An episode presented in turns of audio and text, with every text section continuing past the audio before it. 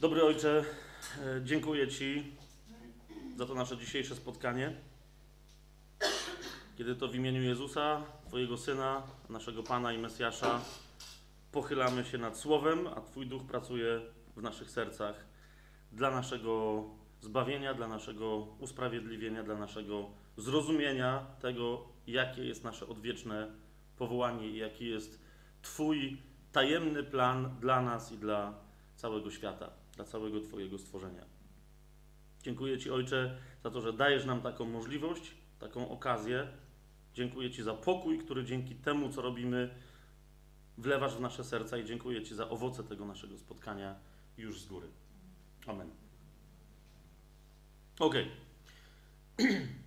Najpierw, żeby w ogóle Wam wyjaśnić, co się dzieje, a w pewnym sensie nawet, żeby sobie wyjaśnić, co się dzieje, bo przyznam, że e, jak ostatnio się spotkaliśmy i zaproponowałem, możemy zrobić tak, możemy zrobić tak, powiedzieliście, ok, skoro Biblia jest jedną księgą, ma jednego autora, ma jednego adresata, którym jesteś ty, ja, ty, ma jedną fabułę, jedną narrację, jedną przepotężną puentę i tak dalej, i tak dalej, no to zajmijmy się Biblią od początku do końca. Więc ja już wtedy sobie pomyślałem, no to ja wiem, e, to ja wiem, co będziemy robić od początku do końca. E, po prostu Księga Rodzaju, czy też pierwsza Księga Mojżeszowa, czy też Księga Genezis, czy Księga Początków, jak ją chcecie nazywać. Pierwsza Księga w Biblii, pierwszy rozdział, pierwszy werset. Na początku Bóg. I jedziemy dalej. Tak? Wiedziałem, że od tego zaczniemy. Ale im bliżej byliśmy dzisiejszego dnia, tym bardziej e, w duchu e, Bóg mnie dręczył. I nie dlatego, że jest złośliwy, tylko dlatego, że ja jestem złośliwy i, i uparty i myślałem, że już wiem, jak się, jak się zaczyna. Tak? Aż wreszcie, e, aż wreszcie, mm, aż wreszcie no, siadłem sobie i mówię, dobra, o co chodzi? Dlaczego nie mogę zacząć od początku, gdzie przecież jest początek? Tak? I Bóg mi powiedział, no bo, no bo, no bo zaczniecie, w, zaczniecie od ziemi, żeby skończyć w niebie. A to nigdy nie jest dobry kierunek. Mówi, jak się modlisz, Ojcze nasz, Ojcze mój, który jesteś w niebie, niech się święci Twoje imię, to co potem mówisz? Przyjdź królestwo Twoje. Bądź Twoja wola tak, jak jest w niebie, tak na ziemi, a nie odwrotnie. Nigdy. Zawsze kierunek jest z nieba do ziemi właściwy. Zawsze kierunek jest z ducha do ciała, a nie odwrotnie. Rzeczywistością jest Chrystus, a więc właściwą rzeczywistością jest rzeczywistość duchowa, a nie ta, której my doświadczamy. Cały błąd naszej niewiary polega na tym, że, że patrzymy na to, co nam się wydaje, że widzimy normalnymi, naturalnymi oczami i mówimy, no przecież to jest prawda. To nie jest prawda. Prawda jest tam, gdzie ona jest, i trzeba najpierw sobie pozwolić, żeby łuski nam spadły z oczu i z uszu, żebyśmy zaczynali doznawać prawdziwego poznania. Więc dlatego Bóg mi powiedział, mówi najpierw niebo, potem ziemia. Co było na początku? Nie co się działo od założenia świata, ale co było jeszcze nawet przed założeniem świata. Aha, mówię, no a, aha, oczywiście, że tak. W związku z tym, ja nie wiem, jak się długo będziemy spotykać, bo nie wiem też następnie, jakie będą Wasze reakcje yy, na to, co będziemy tu robić, jakie będą pytania, co trzeba będzie po drodze zgłębić. Będziemy szli po kolei, natomiast ta, to dzisiejsze spotkanie może Was trochę zaskoczyć, tak jak i mnie nieco zaskoczyło. Niemniej w trakcie zobaczycie, że mam nadzieję, że ma sens. Niezależnie ile tych spotkań będzie, jak się zastanawiam, jak, jak, jak to nazwać. Pismo Święte, Biblia, ale jak to nazwać? Tę opowieść, która jest tu w środku zawarta. Przyszło do mnie niekoniecznie oświecenie. Ja teraz nie wiem, że to jakieś proroctwo miałem, albo że mnie Bóg namaścił, żeby tak powiedzieć, ale według mnie to jest, to jest na, na nasze rozważania. Nie dla Biblii, ale na nasze rozważania na temat całości Biblii to jest najlepszy tytuł. Otóż ten tytuł się znajduje w trzecim, w liście do Efezjan, w trzecim rozdziale. Jak macie Biblię ze sobą, to tam chciałbym, żebyście sobie je otworzyli. Tam będą różne tłumaczenia. List do Efezjan, trzeci rozdział, ale tam zobaczycie y, rzecz, która jest kluczem do tego, co ja bym chciał, żeby się stało naszym doświadczeniem podczas tych naszych spotkań. List do Efezjan, trzeci rozdział, zaczniemy czytać od ósmego wersetu. Wiem, że to, y, zwłaszcza ci z Was, którzy znają list do Efezjan cały od, od pierwszego rozdziału, tak? A zwłaszcza wiedzą, co jest w trzecim rozdziale, to, to ósmy, ósmy werset jest trochę wyrwany z kontekstu. To, wiem o tym, wiem, wiem, wiem. Tylko idzie mi o to, żebyście tam zobaczyli jeden konkretny, dwa słowa, a potem na podstawie tych słów dopiero zarysujemy sobie cały kontekst. A więc trzeci rozdział, wersety od ósmego do dwunastego, to będziemy teraz czytać.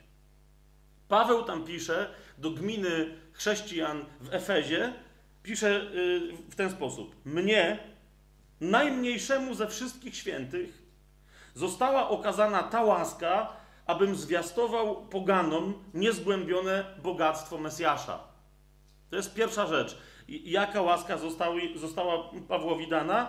Żeby zwiastował poganom niezgłębione bogactwo Mesjasza.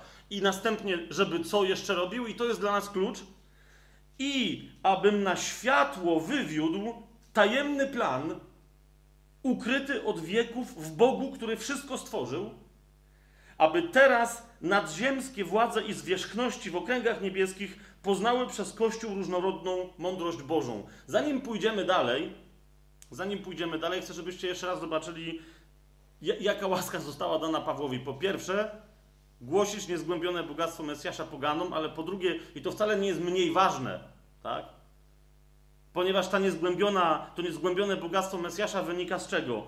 Z tajemnego planu, który był ukryty w Bogu, który wszystko stworzył od samego początku.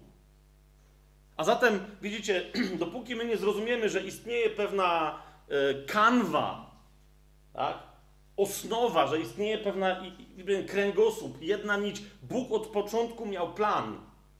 Się nic nie dzieje, że nagle Boga coś zaskakuje, tak? Bóg od początku miał plan, ale idzie o to, że niektórzy czytają Biblię i, i, i zaczynają czytać Księga Rodzaju, potem Księga Wyjścia, potem coś tam się dzieje i zadają pytania typu na przykład, e, jak ostatnio żeśmy się modlili, fantastyczny w duchu żyjący człowiek, ale mówi, słuchaj, jak to jest, że Bóg później w prawie, mniejsza o to, gdzie to teraz jest, bo to nie będziemy się tym zajmować, ale mój napisał wyraźnie, że, że kazirodztwo jest obrzydliwością w moich oczach.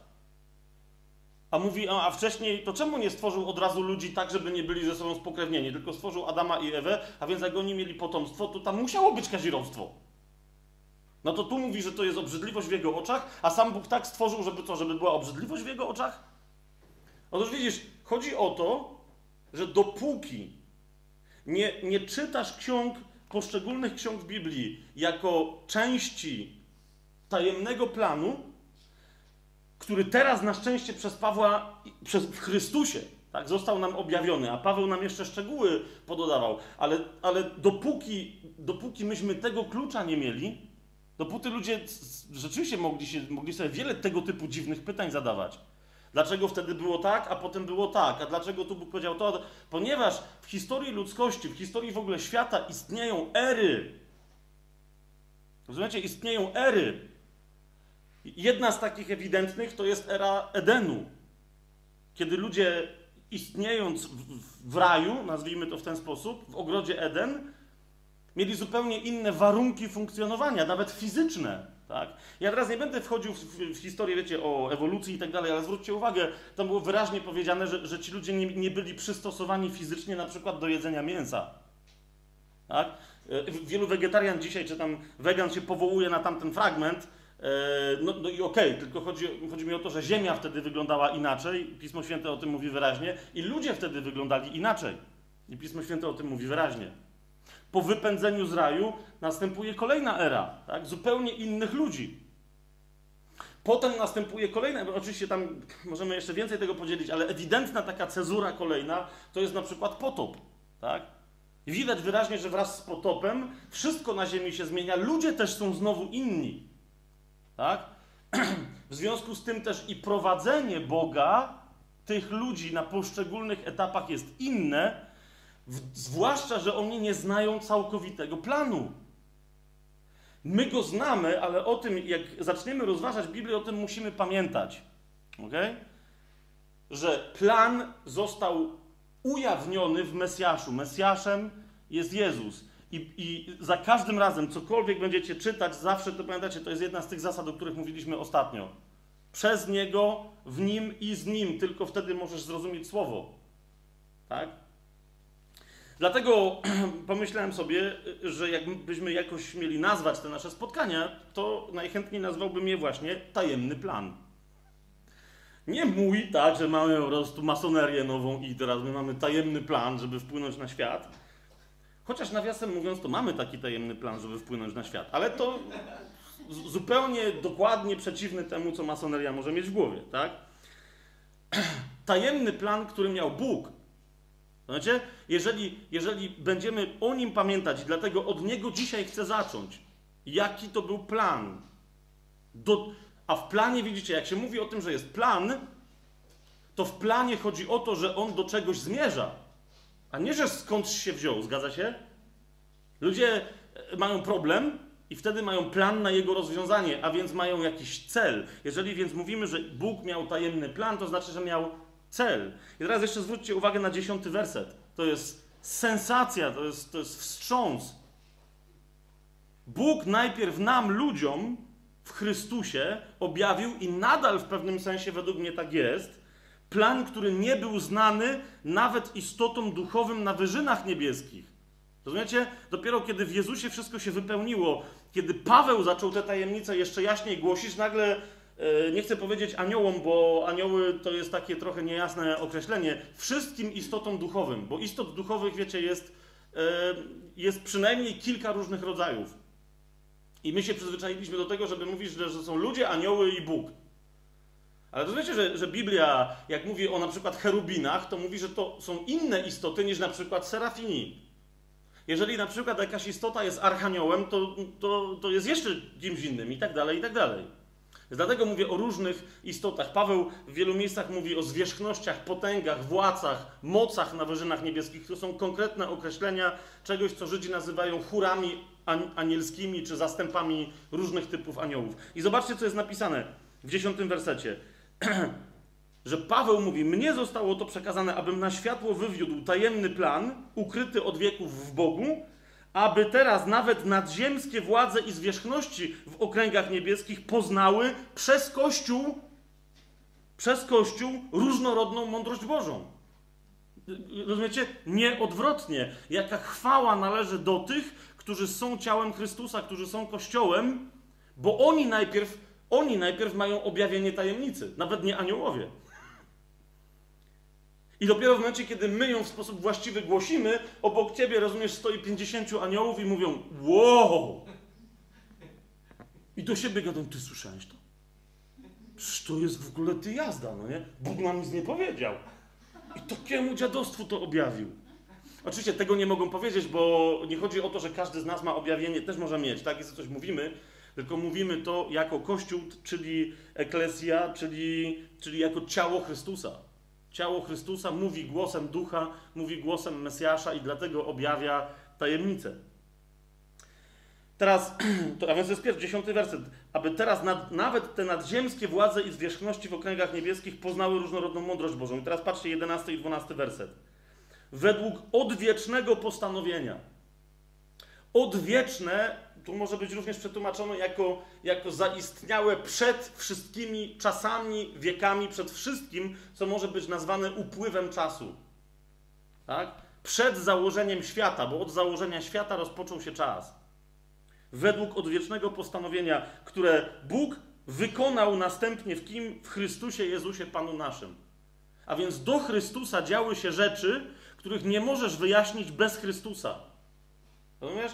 Dzieją się rzeczy, które są tajemnicze. Saul, Shaul, jak, jak tam chcecie o nim mówić, król, wybrany przez Boga, następnie grzeszy przeciwko niemu i w szaleństwie ginie. Nie chcę teraz opisywać tej straszliwej śmierci, ale w kompletnym szaleństwie ginie i Bóg nawet palcem nie kiwa, żeby mu pomóc w tym jego szaleństwie. Masz po nim następnego króla w Izraelu, Dawida, który dopuszcza się bezbożności straszliwej. Jednemu ze swoich największych osobistych przyjaciół. Tak mogę powiedzieć, a jednocześnie jednemu ze swoich najlepszych wojowników kradnie żonę, kiedy ten jego osobisty przyjaciel i jeden z najpotężniejszych bohaterów toczy wojnę, Uriasz. A ten mu podrywa żonę, robi jej dziecko, że się tak brzydko wyrażę. Y, z drugiej strony wcale nie brzydko, dlatego że Biblia wyraźnie sugeruje, że, że to nie jest tak, że Batrzeba zdradziła męża, tylko że Dawid mu ukradł żonę, a więc całkiem możliwe po prostu, że ją zgwałcił, tak? Zwłaszcza, że później jest powiedziane, że po tym akcie ona się musiała oczyścić z nieczystości i wróciła do swojego domu. No więc to znaczy, że siłą ją wziął prawdopodobnie. Tak? Potem chcąc ukryć to swoje zberezeństwo kompletne, przywołuje Uriasza, upija go, żeby myślał, że to dziecko Batrzeby, że jest jego. Nie, nie Dawida, tak? że ktoś, tylko że to jest jego. A ten wojownik mówi, to moi ludzie walczą na wojnie, a ja mam się z żoną kłaść. Mówi, nie położę się. Nawet pijany położył się, ale u służących. Nie poszedł do żony. I co wtedy Dawid robi? Robi straszliwą rzecz. Wysyła go z powrotem, mówi, a okej, okay, no to sam tego chciałeś. I wysyła rozkaz dowódcy Uriasza, żeby go wysłał na pierwszą linię, ale w taki sposób, żeby nie mieli wsparcia i żeby zginął. Rozumiecie? Kradnie mu żonę, robi jej dziecko siłą, wysyła tego swojego przyjaciela następnie, żeby jak ukryć swój grzech, zabija go tam na tej wojnie i co Bóg robi? Po, po, po, powinien z nim postąpić gorzej niż, niż yy, z Szaulem, tak? A tymczasem jedyne co się dzieje, to umiera dziecko z tego aktu, ale Dawid może być królem dalej, Batrzeba zostaje jego żoną w ramach pokuty Dawida, a ich syn następny jest sławnym Salomonem. I teraz pytanie brzmi, no to, to co się tu dzieje? Dlaczego Bóg tego potraktował tak, a tamtego inaczej? Co jest grane? To jest niesprawiedliwe. W momencie, kiedy zaczynasz myśleć o tych wszystkich historiach po ludzku, przykładając do nich swoją dzisiejszą jakąś miarę, nieważne, świecką, chrześcijańską, pobożną, prawną, nie ma żadnego znaczenia. Dopóki nie czytasz tej historii przez tajemnicę Chrystusa, to nie rozumiesz, co się tam dzieje. O to mi idzie. Dlaczego Mojżesz, największy z proroków przed Chrystusem, do tego stopnia wielki, że Mesjasza zapowiada pięcioksiąg, pięcioksiąg mówiąc, poślę wam proroka równie potężnego jak, Mesz, jak Mojżesz i to będzie Hamashia. To będzie Mesjasz. Rozumiecie, jak potężny był Mojżesz? A jednak Bóg chwyta go za kark i mówi: Myślałem, że ty jeden, który wyszedłeś z Egiptu, wejdziesz do ziemi obiecanej, ale wszyscy, którzy wyszli z Egiptu, muszą umrzeć na tej pustyni, włącznie z tobą, bo byłeś dla mnie niedobry. Bóg mówi Mojżeszowi. Więc umiera widząc ziemię obiecaną, ale do niej nie wchodzi. Dlaczego? I teraz spra sprawdźcie, szukajcie w pięcioksięgu, co się stało. Co się stało? Co zrobił Mojżesz Bogu? Mojżesz, którego oblicze lśniało i o którym jednym Biblia mówi, że rozmawiał z Bogiem w tamtych czasach, przed Nowym Przymierzem, twarzą w twarz, jak przyjaciel z przyjacielem. Co się stało, że przyjaciel przyjacielowi mówi, nie wejdziesz do ziemi obiecanej, ale umrzesz widząc ją z daleka i tyle. Nie chcę teraz tego wątku rozwijać, ale powiem wam szczerze, według mnie, nie tylko według mnie, no, jak poczytacie wyraźnie pismo, poszło o to, że Bóg kazał Mojżeszowi puknąć w skałę, z której miała polecieć woda raz, a Mojżesz puknął dwa razy. Marek zrobił takie oczy, mówi, co? No właśnie.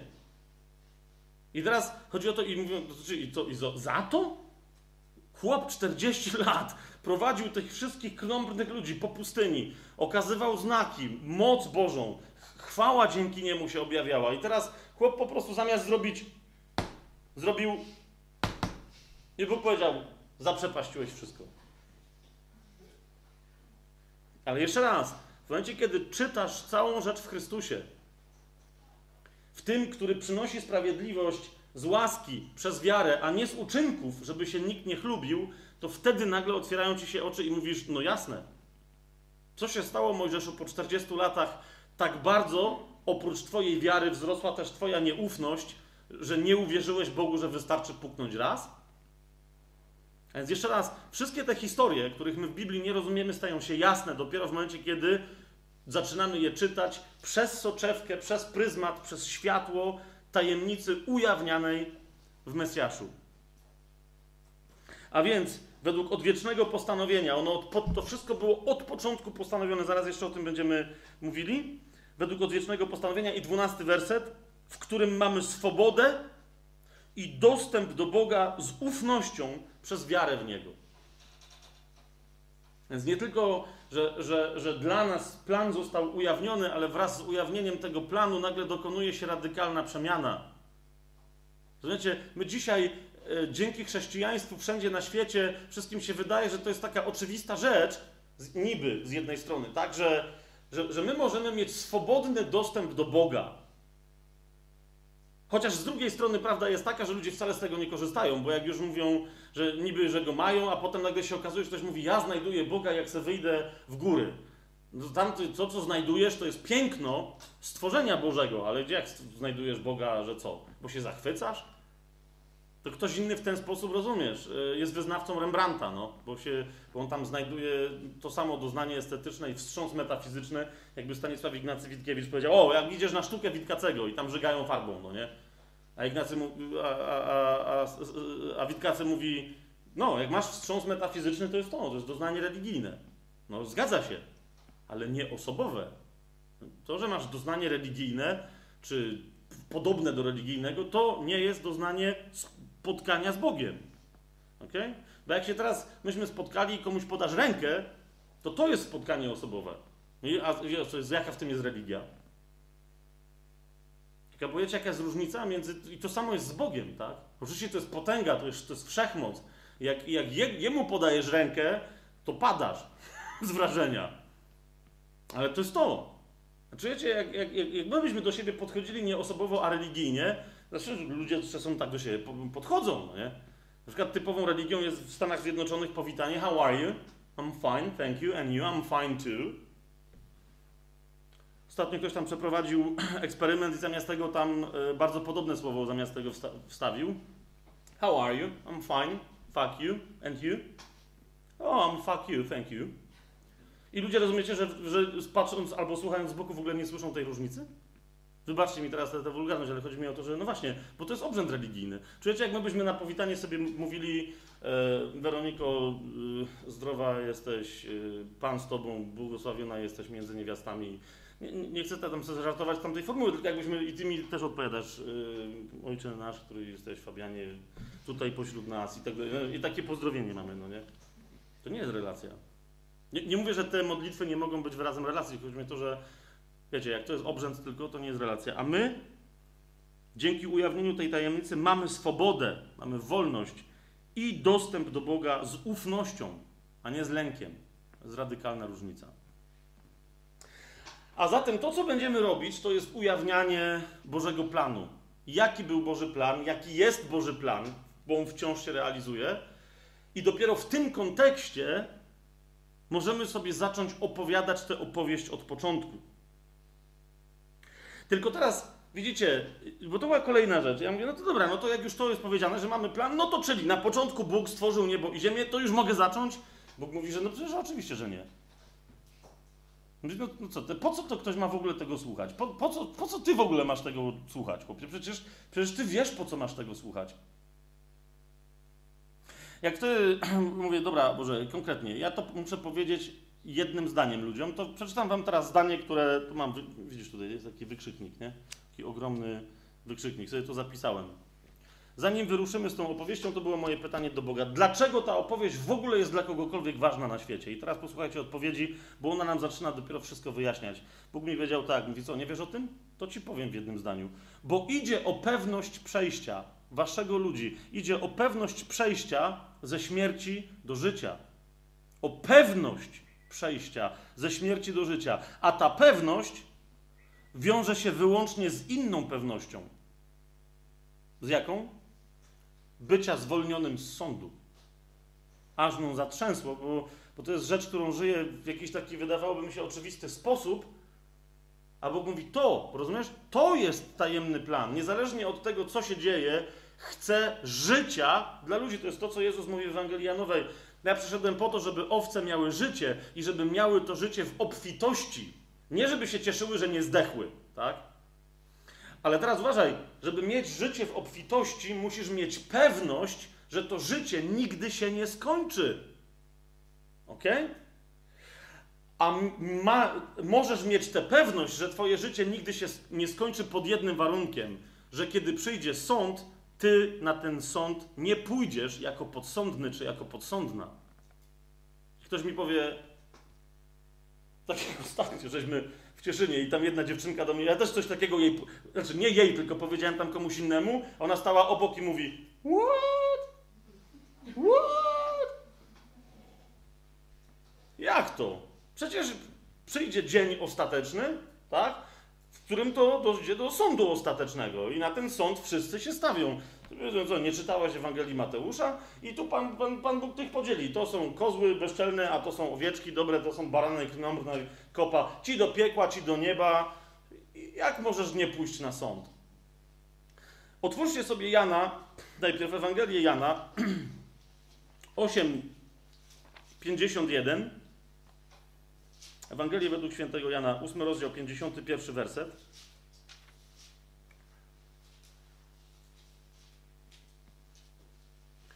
Widzicie, to jest ta obietnica, tak? To jest pierwsze, co, co, o czym musimy pamiętać. Planem Bożym jest, żeby człowiek, jego umiłowane stworzenie, oczko w głowie i źrenica w oku Boga, to ty jesteś, żebyś żyła i żebyś żył i żeby to życie nigdy się nie skończyło. 8:51. Amen. Amen. Mówi Jezus, powiadam wam, jeżeli ktoś zachowa słowo moje, śmierci nie ujrzy na wieki. To znaczy nigdy, nigdy nie ujrzy śmierci. Do tego, i teraz Jezus się z tego nigdy nie wycofał, chociaż zauważcie, co się tam dalej dzieje. Rzekli mu Żydzi, teraz wiemy, że masz demona. To jest jedna y, z najczęstszych y, wypowiedzi ludzi, którzy są religijni. Jesteś opętany. Ty to mówisz, y, ten. Jezus nawet jak uzdrawiał, oni mówią, on to sam nie uzdrawia, tylko Belzebub go opętał. Tak, jasne. Przyszedł szatan i uzdrawia ludzi. Co za gość. I to samo jest tu. Rzekli mu, teraz wiemy, że masz demona. To już wiemy na pewno, jesteś głupi, no nie?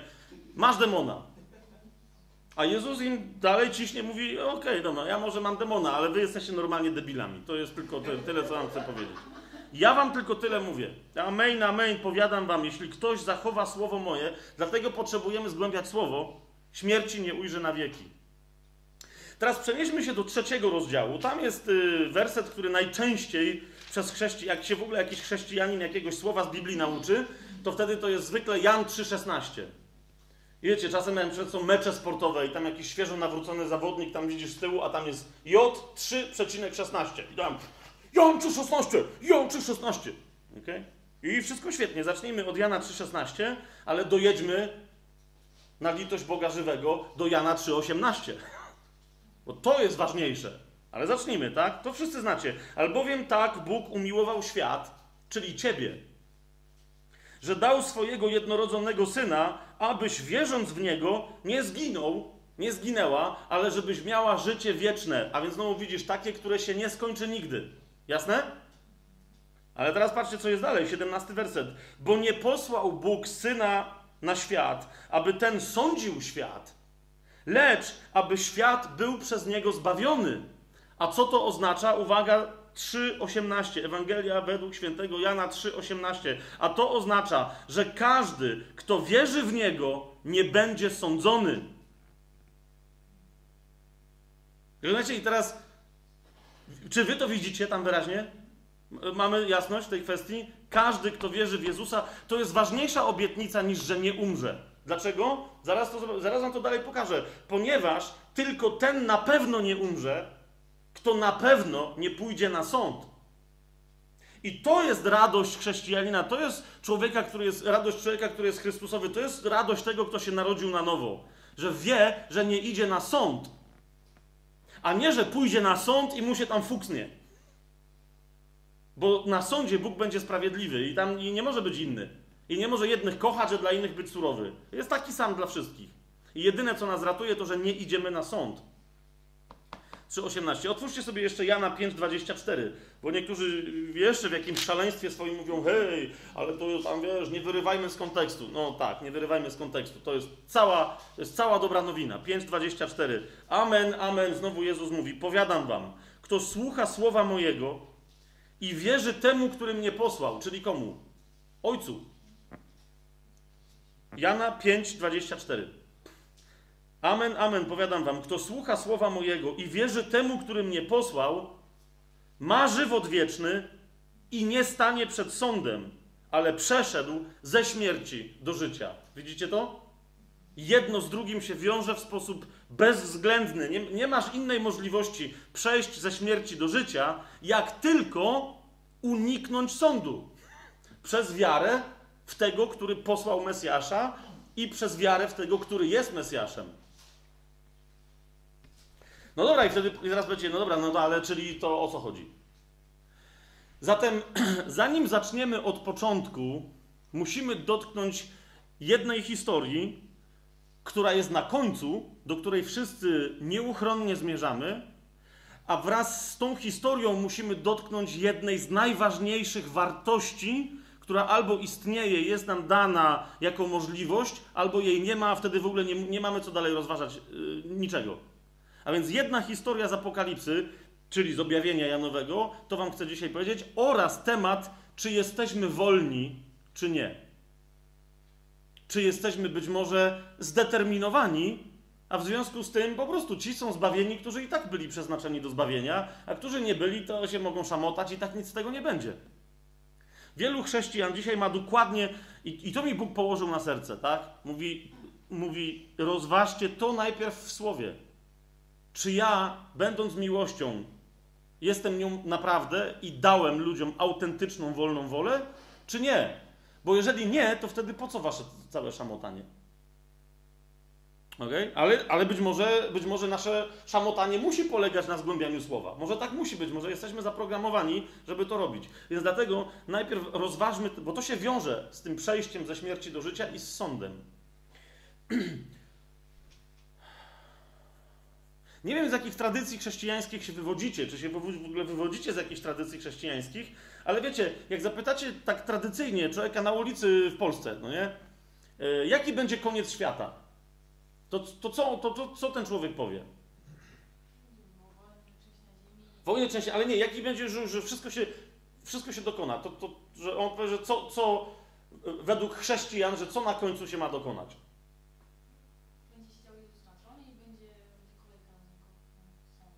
Okay. Wszyscy się z tym zgadzają, czy jakieś inne opcje macie? No, że będzie sąd ostateczny, nie? I potem niebo albo piekło. Zgoda? Dobra. Y, to teraz tak, zanim, zanim w ogóle sobie ustalimy, co tam się rzeczywiście będzie działo, y, i zanim y, tę księgę otworzymy tak, żeby ją naprawdę czytać, Najpierw sobie otwórzcie, sam widzicie, dlatego powiedziałem, że e, mamy zacząć od początku, a zaczniemy dokładnie od samego końca. Tak? Czyli otwórzcie sobie objawienie e, Janowe. To jest ostatnia księga w Biblii, na ostatniej stronie, na samym końcu. I, idzie mi bowiem o to, że zanim tę księgę zaczniemy czytać, y, jest, byłoby absolutnie nieuczciwą rzeczą ze strony jakiego, jakiegokolwiek nauczyciela, gdyby nie powiedział tego, co tu jest napisane. Otwórzcie sobie 18, no na końcu, 18 werset. Niektórzy y, przywiązują ten werset do całej w ogóle Biblii i w pewnym sensie trochę mają rację, bo apokalipsa tak zwana, czyli objawienie Jana się w zasadzie każdy wers w tej księdze się składa z innych wersetów, z innych ksiąg biblijnych, tak? To jest mozaika dosłownie cytatów, nawiązań, bezpośrednich określeń, słów, które się pojawiają w całej Biblii. I Jan pisze tylko takim językiem, tak? Więc, więc ale, ale niemniej yy, traktujmy rzecz najpierw dosłownie, czyli ten werset się odnosi tylko i wyłącznie do Księgi Objawienia. I co on mówi? Co do mnie, to świadczę każdemu, który słucha słów. Pro... A teraz yy, yy, kto to świadczy, żeby jeszcze było jasne? Szesnasty werset. Kto? Kto? Jeszcze raz? Ja, Jezus, tak? Tu Jezus mówi, także i on mówi w 18 wersecie, co do mnie, to świadczę każdemu lub też oświadczam każdemu, który słucha słów proroctwa tej księgi. Jeżeli ktoś dołoży coś do nich, Kapujecie, choćby jedno słowo niepotrzebne, które zmieni interpretację, jeżeli ktoś dołoży coś do nich, dołoży mu Bóg plag opisanych w tej księdze. Ktoś z Was by chciał, żeby mu do, Bóg dołożył jakiejś plagi? Ja raczej nie. Więc jeżeli ktoś dołoży coś do słów proroctwa tej księgi, to Bóg mu dołoży plag opisanych w tej księdze. 19 werset. A jeżeli ktoś ujmie coś ze słów tej księgi proroctwa, tu jest jeszcze gorzej, ujmie Bóg z udziału jego z drzewa żywota i ze świętego miasta opisanych w tej księdze. To znaczy, jeżeli ktoś ujmie jaki, z jakiegokolwiek proroctwa z tej księgi, nie trafi do życia. Nie trafi do świętego Jeruzalem. Chcielibyście takiego przeznaczenia? No, a nie. Dlatego jak za chwilę będziemy czytać Apokalipsę, tak zwaną, czyli objawienie, to zrozumcie, nie interesują mnie żadne historie, które na ten temat słyszeliście, nawet te, które ja sam słyszałem. Żadne teologie, żadne ideologie. Chcę tylko, bo, zwłaszcza, że wiecie, właśnie po to, żeby ominąć to, co tu jest na końcu napisane. Jeżeli ktoś ujmie coś z tej księgi, jeżeli ktoś coś doda, to będą kary. W związku z tym niektórzy zaczęli wymyślać, że e, Księga Objawienia to jest księga Apokalipsy, a Apokalipsa cała jest w symbolach.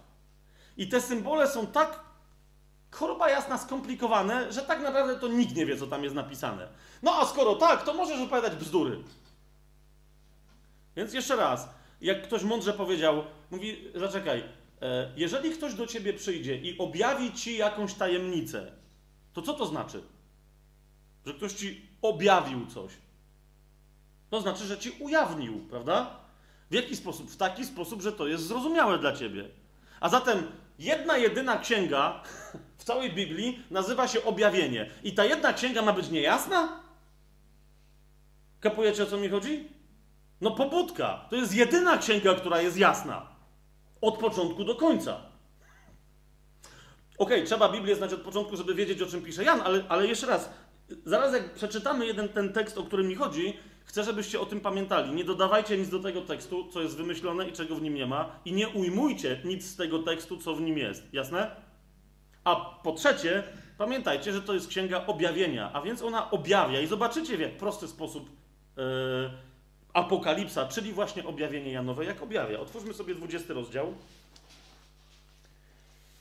i pojedźmy od pierwszego wersetu. Teraz tak, żeby tylko krótko zarysować sytuację. E, ja tego nie będę mówił, ale cały 19 rozdział, a więc przed tym tekstem, który my zaczynamy, mówi o przyjściu Chrystusa na ziemię. O powtórnym przyjściu Mesjasza na ziemię. Jasne? Tam, jak, jak sobie zobaczycie, widziałem niebo otwarte, a oto biały koń, ten, który na nim siedział w 19 rozdziale, w 11 wersecie, oczy jego jak płomień ognia i tak dalej, i tak dalej. Mm, I potem, jak zobaczycie, 19 rozdział, 20 werset, pojmana została bestia, która w niektórych tłumaczeniach jest nazywana zwierzęciem. Y, pojmane zostało zwierzę, a wraz z nim fałszywy prorok, który przed nim czynił cuda. Czyli widzicie, że to jest koniec czasów ludzkich, tak? Antychryst, czy inaczej, y, antychrysta w, objawieniu oczywiście nie ma, e, tylko o nim Jan mówi y, w, w, swoich listach. Natomiast tu idzie o to, o to, że to jest dwóch zawodników, no ale to są, to są postaci takie antychrystowe, czyli bestia i fałszywy prorok, tak? Jezus się objawił i pojął ich i wrzucił ich do jeziora ognistego, gorującego siarką. To jest końcówka 20 wersetu 19 rozdziału. Widzicie to? A zatem Jezus wrócił na ziemię. Tak? To co się wtedy powinno stać? Według opowieści bajkowych, które różni ludzie w różnych miejscach y, sobie przekazują. Powinien się rozpocząć sąd ostateczny. Zgadza się? Ok, to teraz czytamy rozdział 20 od wersetu pierwszego. Przyglądajcie się. I widziałem anioła zstępującego z nieba, który miał klucz od otchłani i wielki łańcuch w swojej ręce. Jasne to jest, co się tu dzieje? Anioł, klucz, łańcuch. Dobra, drugi werset. I tenże anioł, co zrobił? Pochwycił smoka, węża starodawnego, którym jest diabeł i szatan, i związał go na. Na. A nie, jedna osoba umie czytać? Na. Widzicie to? Dobra, i teraz jeszcze raz. Zauważcie, dlaczego tu musimy zacząć. Gdzie się ten wąż Dlaczego on tu jest nazwany szatan, diabeł? Dlaczego tu jest nazwany smokiem, wężem starodawnym? Gdzie on się po raz pierwszy pojawił? W Edenie. Jasne? A więc, żebyśmy my w ogóle zaczęli rozumieć, co się działo od początku. Bóg stworzył niebo i ziemię, potem y, całą rzeczywistość, człowieka, umieścił go w Edenie i tam przylazł jakiś wąż i w ogóle... I pamiętajcie, że on przylazł. Ten wąż miał jakieś tam łapy, on na czymś chodził, może miał też ręce, nie wiem, tak? Ale on na czymś chodził. Bo inaczej co to byłaby za kara? Że wiecie, Bóg mówi, od tej pory będziesz pełzał. No nie? Ja mam zawsze śmiech, jak w tych różnych głupich filmach, reklamach pokazują węża takiego jak dzisiaj. No, to był inny czas, tam wtedy wąż normalnie chodził, no nie? Taki wiecie, przyszedł melonik, no nie? Szpicbrudka. Ale tutaj macie, więc kto został pochwycony? Ten gość, który, który mieszał ludziom od Edenu. Smok, wąż starodawny, którym jest diabeł i szatan. I co wtedy przy przyjściu Chrystusa jest związany, ale tylko, albo aż, na tysiąc lat. Idziemy dalej. Trzeci werset. I wrzucił go do otchłani. Y, jakie tam macie słowo w waszych tłumaczeniach? Do czeluści. Nie, chodzi, chodzi mi o tą otchłań. Otchłań, czeluść, tak? Teraz zwróćcie uwagę, końcówka 20 wersetu z 19 rozdziału, co tam mówi? Zostali obaj oni wrzuceni gdzie? Do jeziora ognistego, gorejącego siarką. Tak? Więc ja teraz nie będę się posługiwał tymi greckimi, hebrajskimi tu słowami, co to jest Gehenna, co to jest y, Hades e, i, te, i tak dalej, i tak dalej. E, co to jest Tartar. Ale tutaj, co jest bardzo istotne, szatan związany został wrzucony do czeluści, która jest innego rodzaju piekłem niż to gorejące siarką. Dlaczego tak mówię, to się później wyjaśni. Tak? Ale pamiętajcie, w Biblii te słowa są bardzo jasno rozróżnione i co jest interesujące, dokładnie odpowiadają słowom, które się pojawiają na przykład w mitologii greckiej. Ok? Czyli Hades to jest miejsce przebywania ludzi w Biblii aż do czasu, kiedy zmartwychwstaną. Tartar, to jest bardzo interesujące, to jest miejsce przebywania aniołów, które są uwięzione pod ziemią w czeluści aż do czasu. E, ja teraz, my do tego później wrócimy. Otóż z tej czeluści te, te wszystkie e, upadłe anioły, demony są, w, e, Apokalipsa to wyraźnie opisuje w dziewiątym rozdziale, są wypuszczone razem z ich przywódcą, który się nazywa Apolion albo Abaddon. I, I do tej samej czeluści, czyli do Tartaru, jest z powrotem tutaj wrzucony szatan. Tak? Ale to nie jest miejsce, o którym Jezus powiedział, piekło, które zostało przygotowane diabłu i jego aniołom. To jest jasne? To nie jest to samo miejsce. To jest tylko doczesne, że się tak wyrażę, więzienie szatana na tysiąc lat. A więc wracamy do, do trzeciego wersetu. I wrzucił go do otchłani i zamknął ją i położył nad nim pieczęć, aby już nie zwodził narodów, aż się dopełni co? Owych tysiąc lat. Potem musi być wypuszczony na krótki czas. Jeszcze raz, ostatni raz. Do tej pory historia jest jasna? No dobrze, to niektórzy powiedzą, no to ale zaraz, to czyli co? Czyli jak Jezus wróci, to a nie będzie sądu ostatecznego, to co będzie? Przecież nie będzie szatana, no ale potem znowu będzie, a więc, ha, czyli nie może już być takich ostatecznych rozwiązań, tak? Uwaga, czwarty werset. Co się tu rozpoczyna? I widziałem trony, i usiedli na nich ci, którym dano prawo sądu. Widziałem też dusze tych, którzy zostali ścięci za to, że składali świadectwo o Jezusie i głosili Słowo Boże, oraz tych, którzy nie oddali pokłonu bestii ani jej posągowi i nie przyjęli znamienia na czoło i na swoją rękę. I teraz uwaga, najistotniejszy dla nas w tym momencie yy, nie werset, ale zdanie w tym wersecie. Ci ożyli i panowali z Chrystusem przez tysiąc lat. Kto ożył i panował z Chrystusem przez tysiąc lat? Mówiąc najogólniej, ci, którzy mają świadectwo Jezusa. Widzicie to? Teraz yy, my sobie jeszcze pójdziemy do innych fragmentów, ale to tu jest niezwykle istotne. Oczywiście niektórzy się rzucą i powiedzą, że zaraz, zaraz, no ale to znaczy co, a reszta co? No reszta, werset piąty. Co jest tam napisane? Inni umarli co? Ale widzicie to? Inni umarli co? Jeszcze raz się pytam, inni umarli ożyli? Nie ożyli. I teraz pamiętacie, co wam powiedziałem, co przeczytaliśmy się sobie z końca tego, tej księgi? Co tam jest powiedziane? Nic do tego nie dodawaj, bo ci Bóg doda plag. I nic z tego nie ujmuj, i nie wyjmuj, że inni umarli nie ożyli. Co tu jest napisane? Inni umarli nie ożyli. Jak długo inni umarli nie ożyli? aż się dopełniło tysiąc lat. Możecie mieć w tych swoich Bibliach gdzieś tam pod spodem e, komentarze, na przykład typu, że ten werset spowodował u niektórych teologów powstanie koncepcji milenaryzmu. Jeszcze raz, nic do tej księgi nie dodawaj i nic z tej księgi nie ujmuj. Tak? Nic. Inni umarli nie ożyli, aż się dopełniło tysiąc lat. I teraz uważajcie, kochani, bo, bo to jest to, o czym my mówimy od początku. Nagle, jak, jak błyskawica przed naszymi oczami, pojawia się zdanie, to jest pierwsze zmartwychwstanie. To jest pierwsze zmartwychwstanie. Pierwsze zmartwychwstanie, które jest w innych miejscach Biblii bardzo wyraźnie opisane. Nie ma jednego zmartwychwstania. Najpierw jest zmartwychwstanie Mesjasza, tak?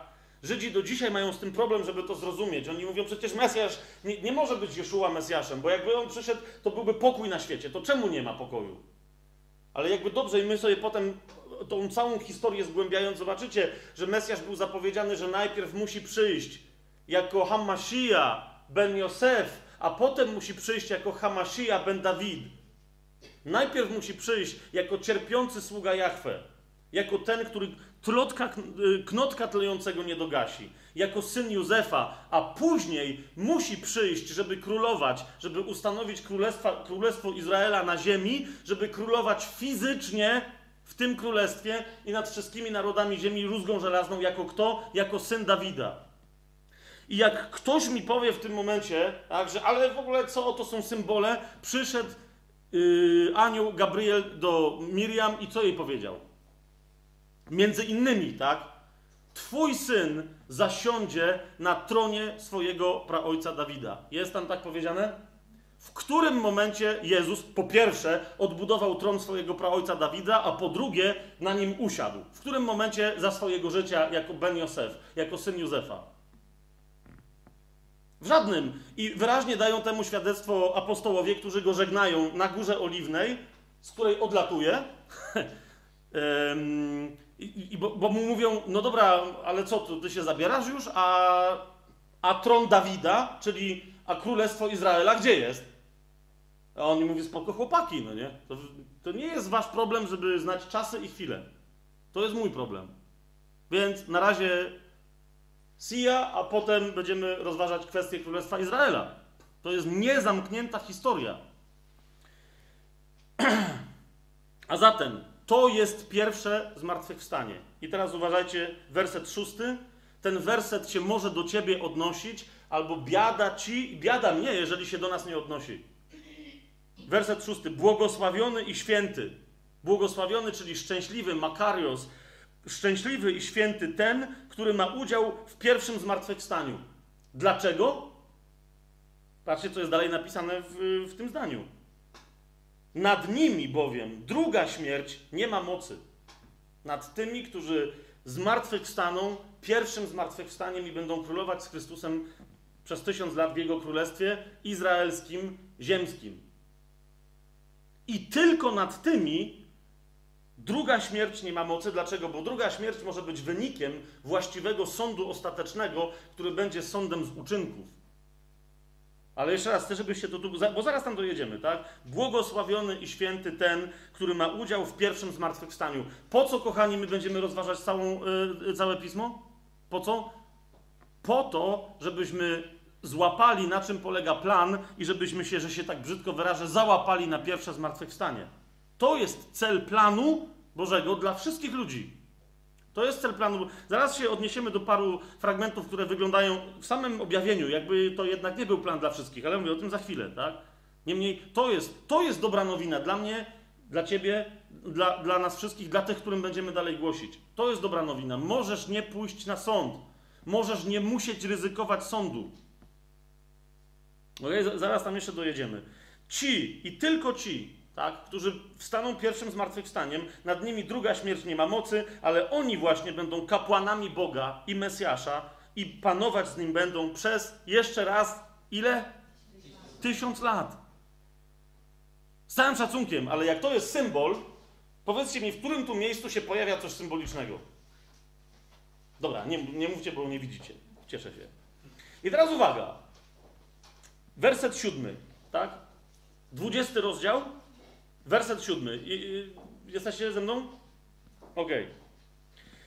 A kiedy się dopełni tysiąc lat, no bo jesteśmy cały czas zainteresowani, ok, skoro to nie jest koniec historii, to co jest grane, tak? A kiedy się dopełni tysiąc lat, wypuszczony zostanie szatan z więzienia swojego i wyjdzie, aby zwieść narody, które są na czterech krańcach ziemi, czyli z całego świata. Goga i Magoga i zgromadzić je do boju.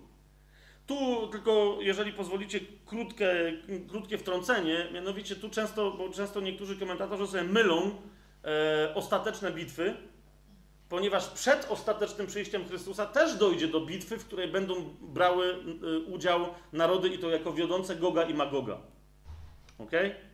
Jaki ma związek Gog i Magog z Turcją dzisiejszą, z Rosją i tak dalej, i tak dalej, to o tym sobie jeszcze powiemy, ale, e, ale mówię, istnieją dwie bitwy ostateczne, które są bitwami, w które jest zaangażowany Gog i, Gog i Magog. I ta jest ostatnią z ostatnich, ale wcześniej jest jeszcze inna, więc to, to jest ciekawe, że, że pomimo przyjścia Chrystusa Gog i Magog jako narody nie zostają, narody takie no, z wyraźnym diabelskim opętańczym wpływem, że te narody nie, zostan, nie zostaną usunięte. Tak? Yy, ale to mówię, to, to jest istotne, że, że te narody Gog z, z Magogiem, one istnieją wcześniej. O nich ich zapowiada już Ezechiel i tak dalej, wielu proroków przed e, Mesjaszowych. Nie, nie, to już jest ich ostatnie wystąpienie, tak? Wyjdzie, by zwieść narody, które są na czterech krańcach ziemi, Goga i Magoga, i zgromadzić je do boju, a liczba ich jak piasek morski. I ruszyli na ziemię, jak długa i szeroka, i otoczyli obóz świętych i miasto umiłowane, a więc tam, gdzie my będziemy mieszkać. Tak? Jezu, jaki to jest debilizm, bo znaczy w ogóle nie, bo nie, nie chcę tam tych ludzi obrażać, którzy tam wtedy będą, ale no rozumiecie, no co w ogóle atakować tych, którzy już z martwych wstali, czujecie? I Chrystusa, który będzie zasiadał i, i, i z którym będziemy mogli sobie tak o rozmawiać, i czynić cuda, znaki i żyć wiecznie i w ogóle co za koncept, tak? Żeby przyjechać do, do Jeruszalaim świętego, do, do miasta pokoju, do, do, do potężnego królestwa Izraela i żeby próbować tam w ogóle coś tworzyć. Jest, no ale dobra, no ale przyjadą. No i zresztą, no jaki pomysł, takie wykonanie, czyli zobaczcie, otoczyli obóz świętych i miasto umiłowane. No i cała bitwa jest opisana następującym zdaniem: i spadł ogień z nieba i ich pochłonął. Dziękuję. I taka. Taki plan oni mieli. No. I teraz uważajcie, bo teraz się zaczynają dopiero te historie, o których zwykle się opowiada, że to jest jedyna historia, tak? Czyli dziesiąty werset 20 rozdziału objawienia Jana. A diabeł, który ich zwodził, w tym dopiero momencie, raz i teraz już rzeczywiście raz na zawsze, diabeł, który ich zwodził, został wrzucony do jeziora z ognia i siarki. To jest to samo jezioro, co w 19 rozdziale 20 wersecie. A więc widzicie, diabeł nie, będzie pierwszy wrzucony do tego piekła ognistego, tylko tam już będzie bestia i fałszywy prorok.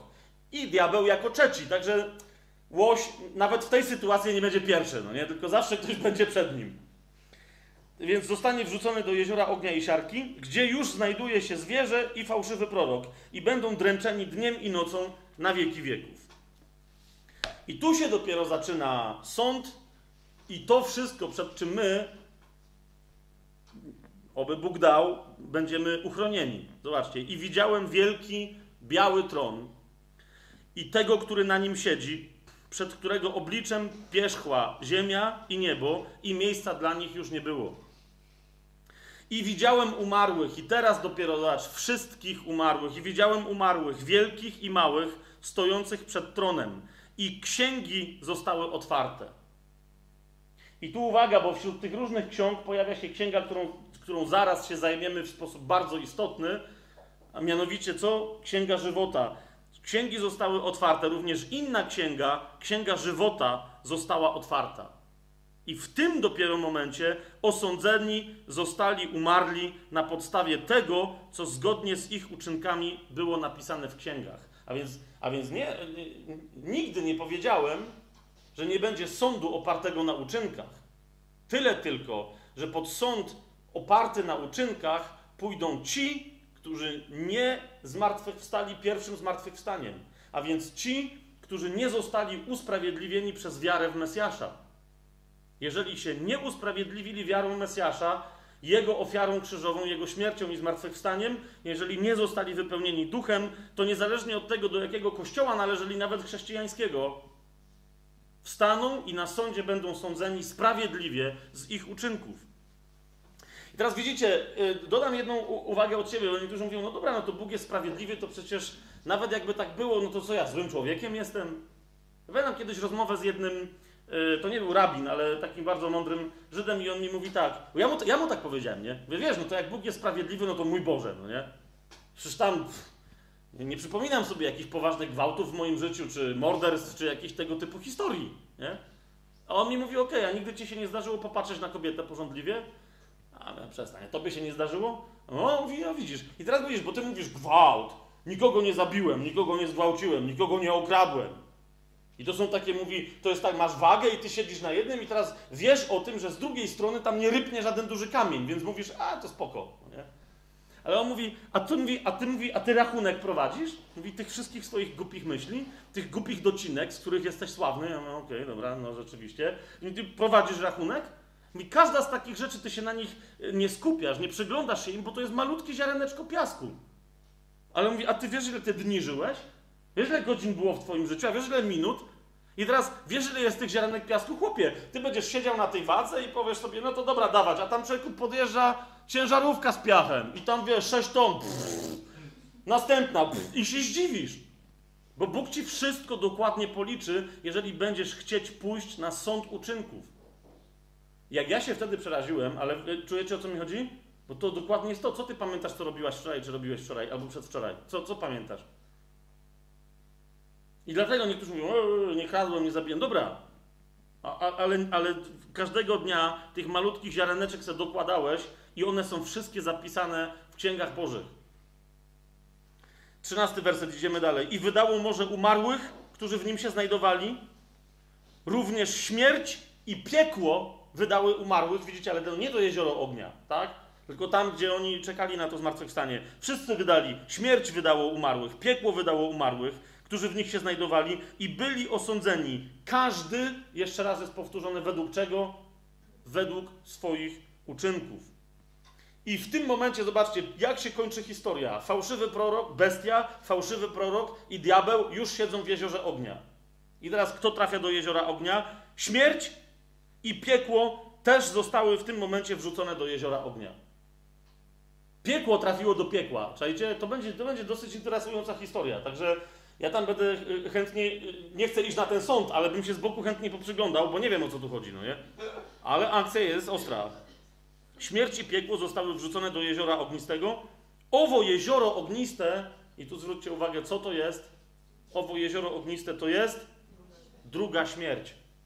I dlatego jak Jezus mówi, kto wierzy we mnie, ten nie idzie na sąd, a to oznacza, że ma na pewno życie wieczne, to właśnie to oznacza, że nie podlega pod drugą śmierć. Niezależnie od tego, jak źle żył, jest usprawiedliwiony krwą, krwią Najświętszą Chrystusa i dlatego właśnie tam nie idzie.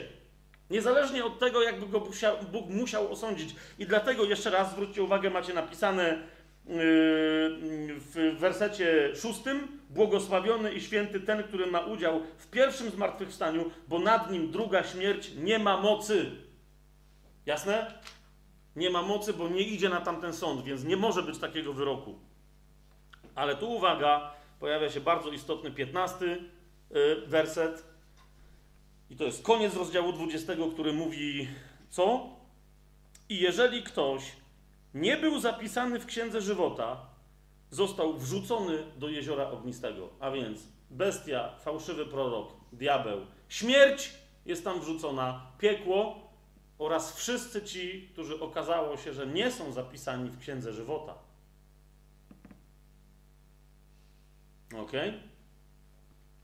Teraz, co to dla nas oznacza? Ok, ale teraz o, o, o co tam biega? Dlaczego, dlaczego, co jest z tą Księgą Żywota? Bo tutaj niektórzy mówią, widzicie, yy, istnieją takie fragmenty w piśmie, w piśmie, które mówią, że są ludzie, którzy od początku nie są zapisani w Księdze Żywota. Więc się nawet nie ma co o nich starać, bo Bóg tam nikogo nie wpisuje. Nigdzie nie jest powiedziane, żeby Bóg kogoś do tej księgi wpisał. Może z niej kogoś wymazać, ale nie może go tam wpisać. No więc może się w ogóle nie ma sensu starać. Może po prostu jesteśmy zdeterminowani, nie ma wolnej woli. Najpierw, y, która jest godzina, żeby... 15 O kurczę, ale trochę późno zaczęliśmy. Ciągniemy dalej? Bo jak nie, to przerwiemy w tym momencie i... Dobra. Najpierw chcę wam tylko, bo pamiętacie, jak wam mówiłem o ostatniej, o ostatniej zasadzie y, egzegetycznej, tak? Czyli nie tylko, że musisz czytać dosłownie pismo, tak? O ile dosłowność nie pokazuje ci, że to trzeba czytać alegorycznie.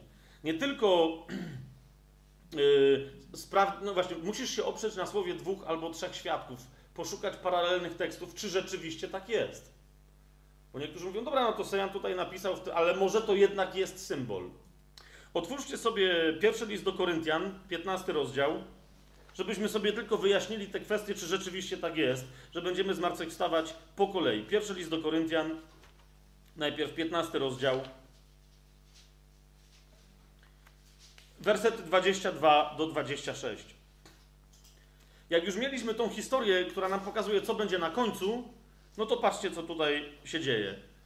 Czy inne fragmenty pisma nam nie potwierdzają takiego ciągu historii? Do czego to wszystko zmierza? Pierwszy list świętego Pawła do Koryntian, 15 rozdział od 22 wersetu. Albowiem, jak w Adamie wszyscy umierają, tak też w Mesjaszu wszyscy zostaną ożywieni. Jak w Adamie wszyscy umierają, tak też w Chrystusie wszyscy zostaną ożywieni. A każdy w swoim porządku. Jako pierwszy Chrystus. Potem ci, którzy są Chrystusowi w czasie Jego przyjścia. Widzicie to? Potem ci, którzy są Chrystusowi w czasie Jego przyjścia, którego, no powtórnego przyjścia, jako Mesjasza na ziemię. I ci tylko wtedy zostaną wskrzeszenie, jak widzieliście, to jest dokładnie to samo, o czym mówi, o czym mówi objawienie. Yy, I jeszcze raz przeskoczmy sobie szybko, bo to tam y, mniejsza o to. Chociaż tu o królowaniu jest wyraźnie powiedziane, 25 werset, y, widzicie, o Mesjaszu jest powiedziane, bo on musi królować. Więc musi mieć swoje królestwo, bo on musi królować, dopóki nie położy wszystkich nieprzyjaciół pod stopy swoje, aż do którego momentu, 26 werset, a jako ostatni wróg zniszczona będzie śmierć. Tak? Na końcu tysiącletniego królestwa. I znowu, żebyśmy sobie jeszcze znaleźli kolejnego świadka, pierwszy list do Tesaloniczan.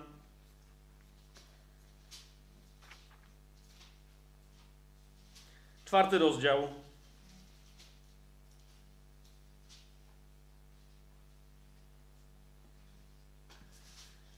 Jest wyraźnie w innych fragmentach pisma powiedziane, że, że, że Jezus będzie wracał tam, skąd poszedł do nieba, na głos trąby. Tak? I te inne trąby niekoniecznie jest to oczywiste, czy będą słyszalne, ale ta trąba będzie słyszana wszędzie. Więc jak wstępował do nieba z y, góry oliwnej, tak też wstąpi na górę oliwną. Zachariasz wyraźnie zapowiada, że jak Hamashia przyjdzie, żeby uratować swój lud, to postawi swoją stopę na górze oliwnej. Dokładnie tak tam jest y, u Zachariasza powiedziane. I tak na nią stanie, że ona się rozpęknie na dwie części i tam, gdzie była góra, tam się zrobi dolina. Tak? I wtedy tych wszystkich, którzy będą napastować Izraela i resztkę wiernych, on tam ich wszystkich wtedy zniszczy. Yy, i, i, krew się będzie lała jak strumień przez tą dolinę, a, a on będzie po kolana, albo według niektórych tłumaczeń aż po pachy będzie u, u, ubrudzony, ubrudzony we krwi tych, którzy chcieli zabić Boga. Tak? A więc, a więc to jest to, ten dzień jest jasny, tak? Wtedy, kiedy przyjdzie Mesjasz, to jest ostatni dzień tej historii przed Królestwem, przed jego powrotem jako, jako Mesjasza Dawidowego, tak? I tu zobaczcie, czwarty rozdział, szesnasty werset. Znowu mamy powiedziane dokładnie to samo, gdyż sam Pan, czyli Paweł, wiadomo kto jest Panem, jest, jest Mesjasz, czyli Jezus, gdyż sam Pan na dany rozkaz, na głos Archanioła i trąby Bożej stąpi z nieba. Wtedy najpierw powstaną kto? Ci, którzy umarli w Chrystusie. Potem my, bo, bo, jest pytanie, no dobra, no a jak ktoś jeszcze będzie wtedy żył, a będzie y, wierzył w Jezusa, potem my, którzy pozostaniemy przy życiu razem z Nim, porwaniemy będziemy, porwani będziemy yy, na obłoki w powietrze, na spotkanie Pana i tak zawsze będziemy z Panem. Pocieszajcie się nawzajem tymi słowy. Ale chodzi mi teraz mniejsza o to, co tam będzie z tym porwaniem, bo ja tego na razie absolutnie tu nie chcę rozważać, tylko mi idzie, idzie o to, że widzicie, znowu jest powiedziane najpierw w dniu przyjścia, powrotu Chrystusa na ziemię, najpierw powstaną ci, którzy umarli w Chrystusie, a ci, którzy nie umarli, ale którzy będą w Chrystusie, zostaną przemienieni, a więc też tak jakby umarli i jakby zmartwychwstali. Tak? O czym Paweł znowu pisze w pierwszym liście do Koryntian. A zatem, yy, zatem tu historia jest yy, dosyć jasna tej kolejności, jak widzicie. Słowo Boże co do tego jest absolutnie jednoznaczne. Ale teraz pozostaje nam pytanie, które naprawdę jest, jest kluczowe dla całej reszty naszych rozważań. Co z tą księgą życia? Zwłaszcza, że w wielu miejscach pismo sugeruje, że księga życia istniała przed założeniem świata. A więc to jak my sobie rozpoczniemy działanie, na początku Bóg stworzył niebo i ziemię, to to jeszcze nie jest początek. Nam, nam chodzi o to, co Bóg miał w głowie, tak? co miał w umyśle, co miał w swoim sercu, nawet zanim wypowiedział to swoje święte dabar, słowo, które zaczęło stwarzać wszechświaty. Co tam się działo? Była księga życia. Teraz jest pytanie, czy ja byłem zapisany w tej księdze życia? Czy ja byłam zapisana w księdze życia? Czy kto tam, o co, o co chodzi? Jak sobie otworzycie z powrotem objawienie, i teraz zobaczcie, no, yy, zgłębiamy początki, jak widzicie, na samym końcu Biblii, tak? 21 rozdział.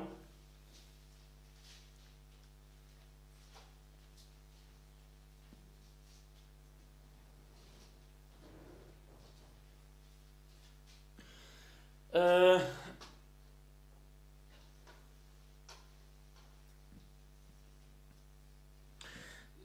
jeszcze, jeszcze inaczej. 22 rozdział najpierw sobie zobaczcie. Pier, pierwszy werset. E, zobaczcie, że widzicie, wszystko zmierza nie do powrotu do Edenu, ale do wejścia do właściwego raju, w którym będzie woda życia, którą Jezus obiecywał i obiecuje, i w którym będzie drzewo życia.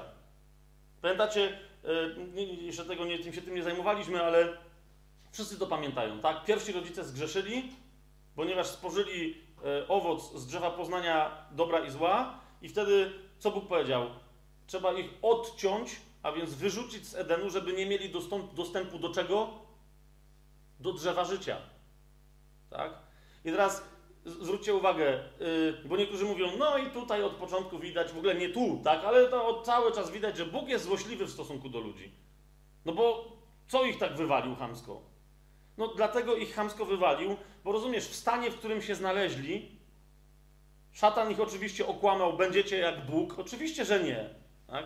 Bo Bóg zawsze chca, chciał i chce, żebyśmy byli tak jak On. I właśnie dlatego, żeby być tak jak On, dlatego powiedział pierwszym rodzicom, żeby nie jedli z tamtego drzewa. Ponieważ z tamtego drzewa zjadł już wcześniej szatan. Bóg z tego drzewa nigdy nie jadł. I dlatego powiedział swoim dzieciom, żeby robiły to, co On. Czyli żeby nie, jad, nie jadły z tego drzewa, po prostu. A ponieważ zjadły, w jakim stanie się znalazły, takim jak Bóg, tam jest powiedziane, że Bóg tak mówi, w pewnym momencie mówi, u, to już się teraz zrobili tak jak my. Tak Bóg mówi do siebie, tak? Ale tam jest ewidentnie, mówi to z przekąsem, tak? Dlaczego? No bo to jest, wiecie, przychodzi i mówi człowieku, gdzie jesteś? A Adam z zakrzoka mówi, e, się schowałem, bo jestem goły. No a mówi, a kto ci powiedział, że jesteś goły? To to, to, jest, to jest stanie się jak Bóg? Adam z Ewą se latali, robili co chcieli, a potem nagle pojawił się wstyd, pojawił się lęk, pojawiła się niewola. Gdzie jest lęk, tam wiadomo, tam nie ma miłości. A Bóg jest miłością, więc co, stali się jak Bóg? Dokładnie odwrotnie. Więc dlaczego Bóg ich wyrzucił z raju? Bo gdyby jedli cały czas i mieli dostęp do drzewa życia, to to by było piekło. Widzicie to? W tym swoim syfie, w tej swojej nędzy, w tej swojej beznadziei, w grzechu, który zaczął ranić. Pierwsza historia zaraz się dzieje co? Kain, który morduje Abla i tak dalej. I, I, chcielibyście, żeby żyli tacy ludzie? Żebyś, żebyśmy my ze swoim kretynizmem, żebyśmy żyli wiecznie? Więc Bóg mówi, trzeba pomóc jakoś tym ludziom, a pierwszą pomocą jest odcięcie ich od drzewa życia. Po co? Żeby ich potem do niego przywrócić, ale w jakim stanie? W stanie przywróconej świętości. A więc najpierw trzeba im przywrócić świętość, sprawiedliwość, na powrót ich stworzyć. I po to przychodzi Mesjasz. Ten, kto go przyjmuje, staje się nowym stworzeniem, a kto się staje nowym stworzeniem, ten wtedy dopiero ma dostęp do drzewa życia. Bo wtedy jest sens, żeby żył wiecznie. Ela.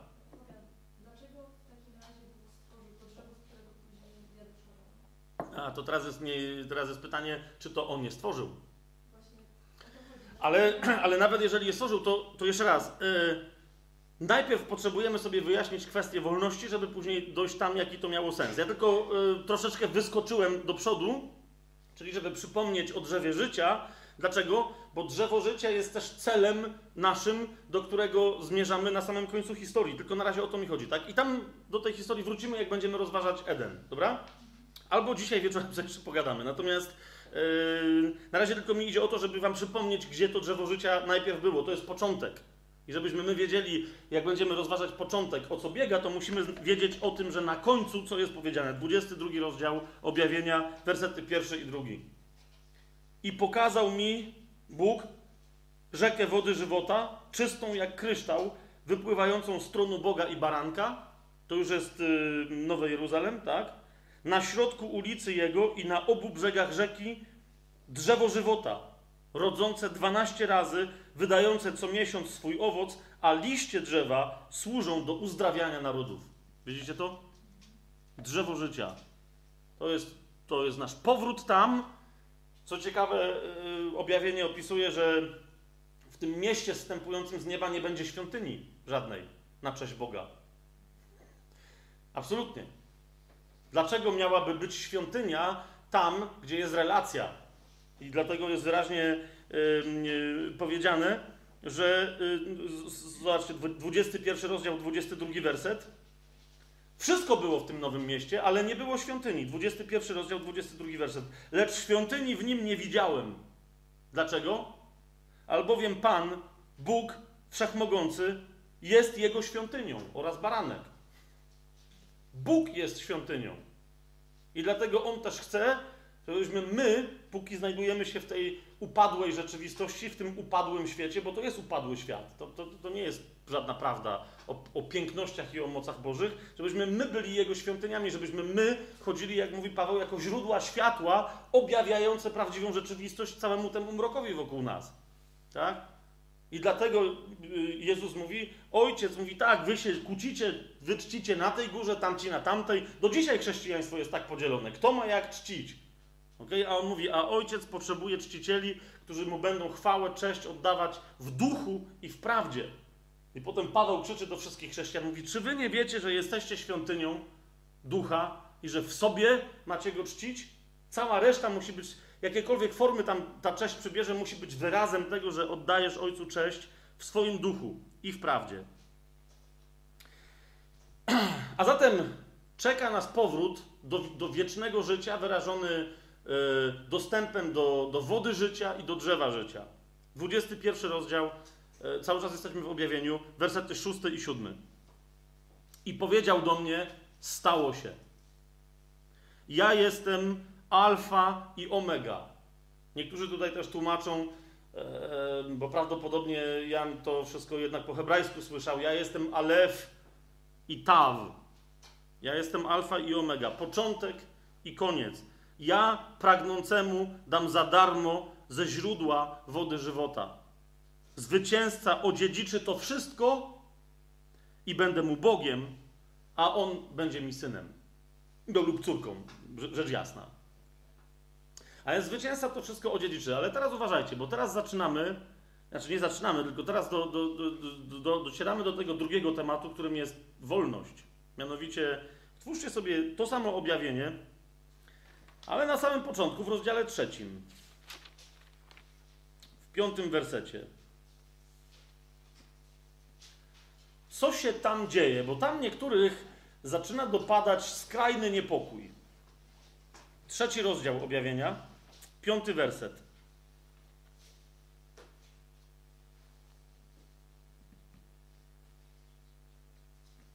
Macie? Zwycięzca, a więc ten, który wiecie, dostanie się do, do drzewa życia, do wody życia, zwycięzca zostanie przyobleczony w białe szaty. Uwaga. I nie wymarzę imienia jego z księgi żywota, ale wyznam imię jego przed moim ojcem i przed jego aniołami. Tak sobie popatrzycie na przykład w Ewangelii Mateusza, Jezus tam mówi wyraźnie, jeżeli ktoś wyzna moje imię przed ludźmi, jeżeli ktoś się przyzna do mnie przed ludźmi publicznie, to i ja się przyznam do niego przed moim ojcem i przed jego aniołami. To jest dokładnie to samo powtórzone. Tylko widzisz, to oznacza, że Twoje imię zapisane w księdze żywota nie będzie wymazane. Ale to oznacza, że może być wymazane. A niektórzy wręcz mówią: Ej, może być w ogóle tam nie zapisane. Dlaczego? Najpierw tylko to Wam chcę zaznaczyć, zwróćcie uwagę. Imię może być wypisane, wymazane z księgi żywota. Okay? Jezus mówi: Nie wymarzę tego imienia. Ale widzicie, cały czas jest sugestia, ale to imię może być wymazane. Tak? Ym, dlaczego mówię o tym, że niektórzy się z tym zmagają? No bo popatrzcie, otwórzcie sobie werset, yy, rozdział 13. Tak, tak, cały czas jesteśmy w objawieniu. Rozdział 13 i tam się zaczynają historie, które niektórych potwornie niepokoją. Rozdział 13, werset 8. Tam jest powiedziane, że ludzie zgrzeszyli. I to strasznie. Yy, mianowicie to jest moment, kiedy się pojawia zwierzę na ziemi, czyli bestia apokaliptyczna i zaczyna walczyć ze świętymi i w dodatku, w dodatku dostaje władzę od Boga, do, pozwolenie, żeby pokonywać świętych na ziemi. Tak? I teraz patrzcie, 13 rozdział, 8 werset. Nie wiem, jakie wy macie tłumaczenia, zaraz bym chciał, żebyście mi y, przeczytali. Ja mam w, w warszawskim tak napisane. I oddadzą mu pokłon temu zwierzęciu, czyli bestii, wszyscy mieszkańcy ziemi, uwaga, każdy, którego imię nie jest od założenia świata zapisane w księdze żywota baranka, który został zabity. Ktoś ma jakieś inne tłumaczenie? Macie tak, jak ja to przeczytałem? Ktoś ma jakieś inne tłumaczenie? Ok, przeczytaj. Wszyscy mieszkańcy ziemi oddadzą jej pokłon ci, których imiona nie są zapisane w księdze życia baranka zabitego od założenia świata. Macie jeszcze jakieś inne tłumaczenie? Wszyscy mieszkańcy ziemi będą oddawać pokłon władcy, każdy, którego imię nie jest zapisane od założenia świata w księdze życia zabitego baranka. Czujecie, co jest grane? Z tych wszystkich wersetów wynika, że no każdy, którego imię nie jest od założenia świata zapisane w Księdze Żywota, ten odda pokłon bestii. Zgadza się? No więc nie pozostaje nam nic innego, jak sięgnąć wreszcie, widzicie, to jest jeden z tych momentów, kiedy trzeba sięgnąć do tekstu oryginalnego. Możecie, jak macie, y, to sobie sprawdźcie, jak macie inne, to jest y, grecko-polski Nowy Testament, wydanie interlinearne, więc macie tekst grecki, ale pod spodem, no każdy to może sobie tam sprawdzić, jakie są wyrazy napisane pod tym tekstem greckim, tak? Więc ja nawet tu nie będę szpanował i nie będę po grecku czytał, ale, ale czytam wam, co jest napisane dokładnie po polsku pod greckim tekstem, ok? Uwaga. I pokłonią się mu zwierzęciu i pokłonią się mu wszyscy zamieszkujący na ziemi. I teraz jest pytanie, komu, bo to jest takie złożenie w tym tekście, temu, którego nie jest zapisane imię jego w zwoju życia baranka, zabitego na ofiarę od założenia świata. I teraz, jak sobie to, no możecie sobie sprawdzić dokładnie po grecku. I pokłonią się mu wszyscy zamieszkujący ziemię. Ok? Wszyscy, którzy nie są święci, bo ci są oddzieleni y, w siódmym wersecie. Tak? I teraz jest pytanie, ale, no to, ale to nie ich się tyczy dalsza część zdania? No nie. No to jest tak samo jak po polsku. Tak? I pokłonią się mu wszyscy temu, którego nie jest zapisane imię. Tu jest wyraźnie u, u, gegraptaj, gegraptaj, to ono ma, tu, ento i tak dalej, i tak dalej. Tak? Jest wyraźnie temu, którego imię nie jest zapisane. Dlaczego? No, bo Apokalipsa i cała reszta ksiąg wyraźnie sugeruje, że zwierzę, mimo że jego liczba będzie 666 i tam to jest też skomplikowana kwestia, o co to idzie, ale że to zwierzę, mimo że ta liczba jest zwierzęciem człowieka, że to zwierzę będzie istotą demoniczną. Tak? A więc nawet jeżeli to będzie człowiek, to, to, to będzie absolutnie, całkowicie oddany czy opętany szatanem. Tak? I dlatego tu idzie o tego, którego imię nie jest zapisane od początku w Księdze Żywota, bo Księga Żywota tyczy się ludzi, a nie istot demonicznych. Tak? Teraz oczywiście niektórzy mówią, no ale zaraz, to by znaczyło, że druga część tego zdania oznacza baranka, który został zabity, zabity od założenia świata. I teraz, co jest interesujące, możesz robić wywiasy, jakie chcesz po grecku, ale dokładnie tak tu jest napisane. Że Mesjasz jest barankiem zabitym od początku, od założenia świata. A więc taki był plan od początku, albo też, albo też idzie o innego rodzaju walkę, która też była walką uświęcającą, bo on jest nazywany tym, który został zabity, ale żyje. W Apokalipsie i w innych miejscach. Baranek, który został zabity, ale żyje. Ten, który był, jest i będzie, w odróżnieniu od bestii, o której jest, która wiadomo, że zawsze małpuje Boga i małpuje Mesjasza, w odróżnieniu od bestii, o której zawsze jest mowa, że ona była, nie ma jej, ale będzie. I tylko baranek, który jest zabity od założenia świata, był, jest i będzie zawsze taki sam. Tyle.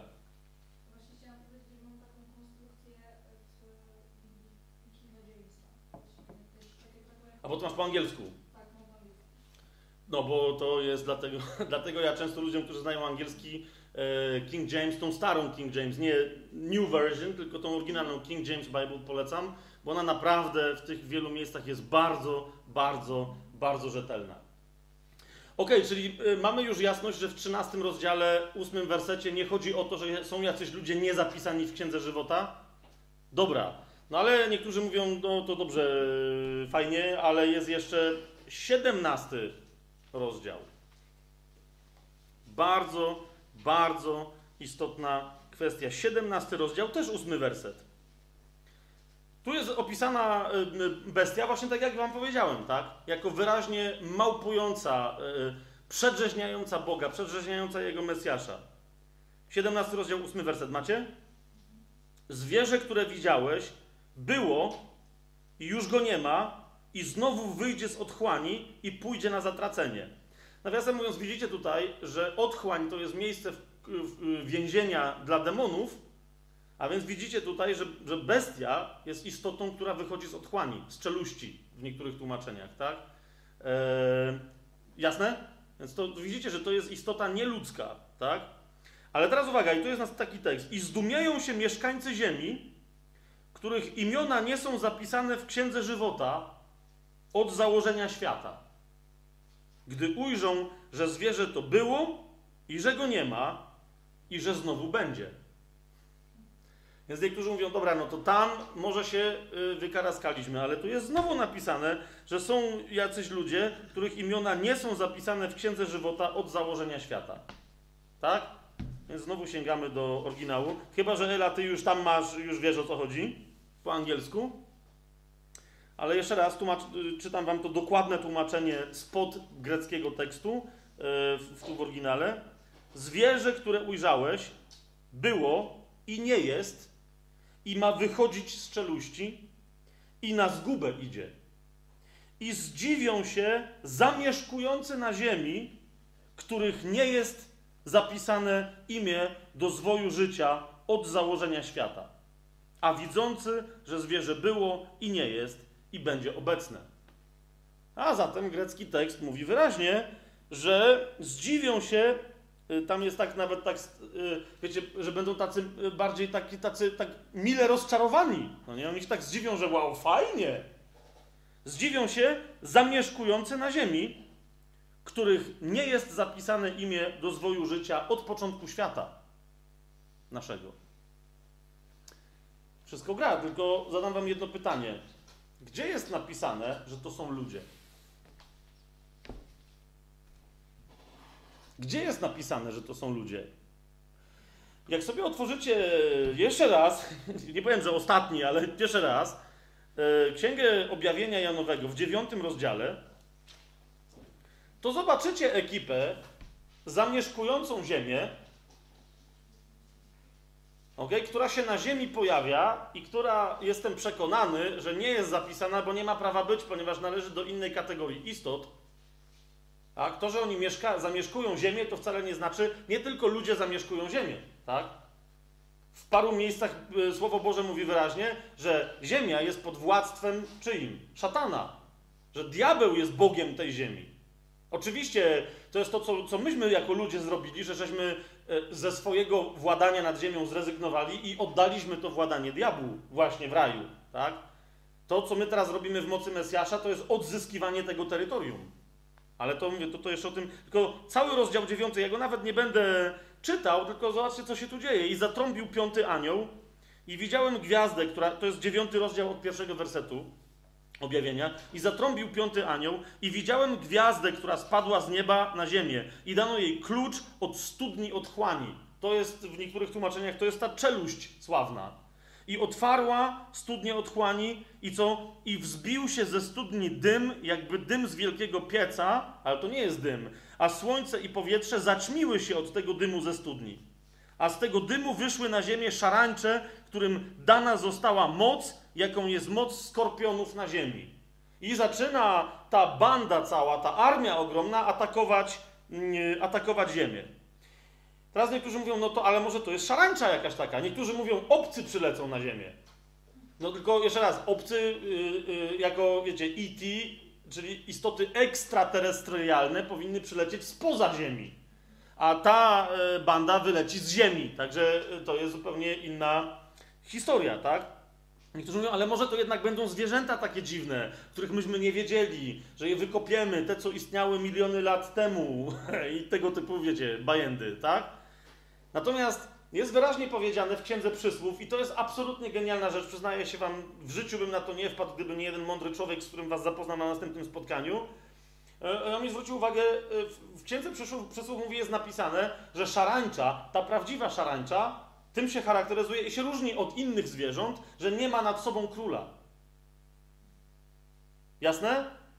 Więc jeżeli ktoś wam powie, że tutaj to są jakieś zwierzęta i plaga jakichś zwierząt, które będą atakować ziemię, to powiedzcie mi, co jest napisane w dziewiątym rozdziale, jedenastym wersecie. Że te istoty, jedenasty werset, co? Miały nad sobą jako króla anioła czeluści. Widzicie to? Którego imię brzmi po hebrajsku Abaddon, a po grecku imię jego brzmi Apollo albo Apolion, czyli tak czy siak niszczyciel. Widzicie to? To nie jest szarańcza. Szarańcza jako zwierzęta Biblia mówi wyraźnie w innym miejscu, że nie ma króla.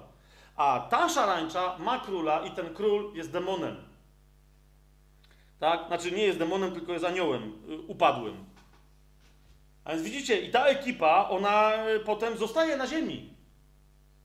Tak? Więc jak w 13 wersecie, w, w, w 17 rozdziale jest mowa, kogo może zachwycić to, rozumiecie, kogo może y, rozczarować mile, że bestia upadła i zniknęła, ale wróciła? Ludzi, którzy będą uciskani przez tą bestię? Nie, to może tylko ucieszyć tych, którzy są z tego samego ducha, co ta bestia. To jest ta ekipa. To są upadłe anioły. To jest dokładnie ta sama ekipa, która jak została przez Jezusa zapytana, jakie jest Twoje imię, to ta ekipa odpowiedziała: Ja mam na imię Legion, bo nas tu jest wielu. To jest ta ekipa. To jest ekipa, która zawsze się cieszy z czynów bestii, ale nigdy nie współdziała z ludźmi, dlatego że jest pod tym, który jest zabójcą, kłamcą i oszustem od początku. A więc jeszcze raz, jeżeli, yy, i, tu, i tu już powoli lądujemy, tak? Jeżeli ktoś z Was, w tą stronę by, by jego rozważania szły, tak? Czy czy my czasem nie jest tak, że my nie mamy wolności, że y, no, w całej kalwińskiej teologii, ale ja wam powiedziałem, czytamy Biblię, a nie odnosimy się do teologii, ale kalwińska teologia bardzo mocno e, podkreśla predestynację, czyli uprzednie przeznaczenie do bycia zbawionym albo potępionym. I, te, I tam są jakieś pochodne tego wszystkiego. Jeszcze raz, jeżeli Bóg jest miłością, to miłość zawsze oznacza wolność. Jeżeli Bóg jest miłością i stworzył nas z miłości, a niech mi ktoś na podstawie Biblii udowodni, że nie stworzył nas z miłości, to musiał, musiał dać nam wolność i to tak otwartą do, egzek- do egzekwowania, żebyśmy my mogli w wolności wybrać, że albo odwzajemniamy Jego miłość, albo nie. Kto z Was chciałby się kochać z robotem? Która z Was dziewczyny, który z Was chłopaki byście chcieli wyjść za robota? Ożenić się i teraz macie robota i sobie go zaprogramujesz, no nie? I programujesz tam. Siadasz, nie? Pogańskie walentynki się zaczynają, robot siada naprzeciwko ciebie i mówi: Mój słodki Fabianie, kocham cię. I ja siedzę i mówię: Mmm, zarąbiście. Robot mnie kocha. No w ogóle weźrzesz! My jako ludzie, przecież żygać chce na coś takiego. A Bóg by se miał coś takiego zrobić? Miałby zaprogramować ludzi i jednych zaprogramować, że go będą kochać, a drugich, którym dorypie, bo po prostu ma taką chęć? Więc absolutnie nie. Natomiast, natomiast niektórzy mówią, nie, nie, nie, nie, ale ty mi to musisz pokazać. Ty mi to musisz pokazać. Ty mi to musisz... Oczywiście, bardzo chętnie. Jest jedna absolutnie wstrząsająca rzecz, która moje serce osobiście przywiązała do Mojżesza.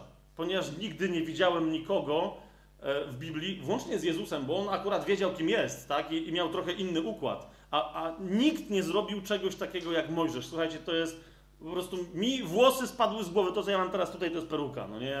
Spadły mi z głowy i nie wiem, wiatr zawiał i ich nie ma. Jak, jak przeczytałem ten fragment, otwórzcie sobie drugą Mojżeszową, czyli Księgę Wyjścia, w zależności od tego, co tam, y, jakie tam macie tłumaczenia. Drugą Mojżeszową, 32 rozdział, sensacja. Teraz widzicie, dlaczego dobra nowina jest w całej Biblii? 32 rozdział.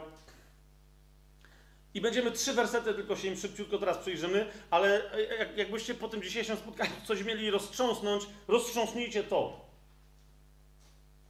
Jeżeli człowiek może mieć taką miłość do, do swoich ludzi, do swojego narodu, to gdzie jest Bóg? O ile większą on musi mieć miłość do ciebie. Ale patrzcie, co się dzieje. Bo tam się w ogóle, wiecie, podziały historie. Yy, Mojżesz wyszedł i Mojżesz powiedział do ludu, to, jest 32, 32 rozdział, 30 werset. Następnego dnia rzekł Mojżesz do ludu, popełniliście ciężki grzech. Tak? Więc, więc Mojżesz do nich mówi, jesteście... A! Nawet nie będę mówił, że się na was zawiodłem, tylko po prostu dno.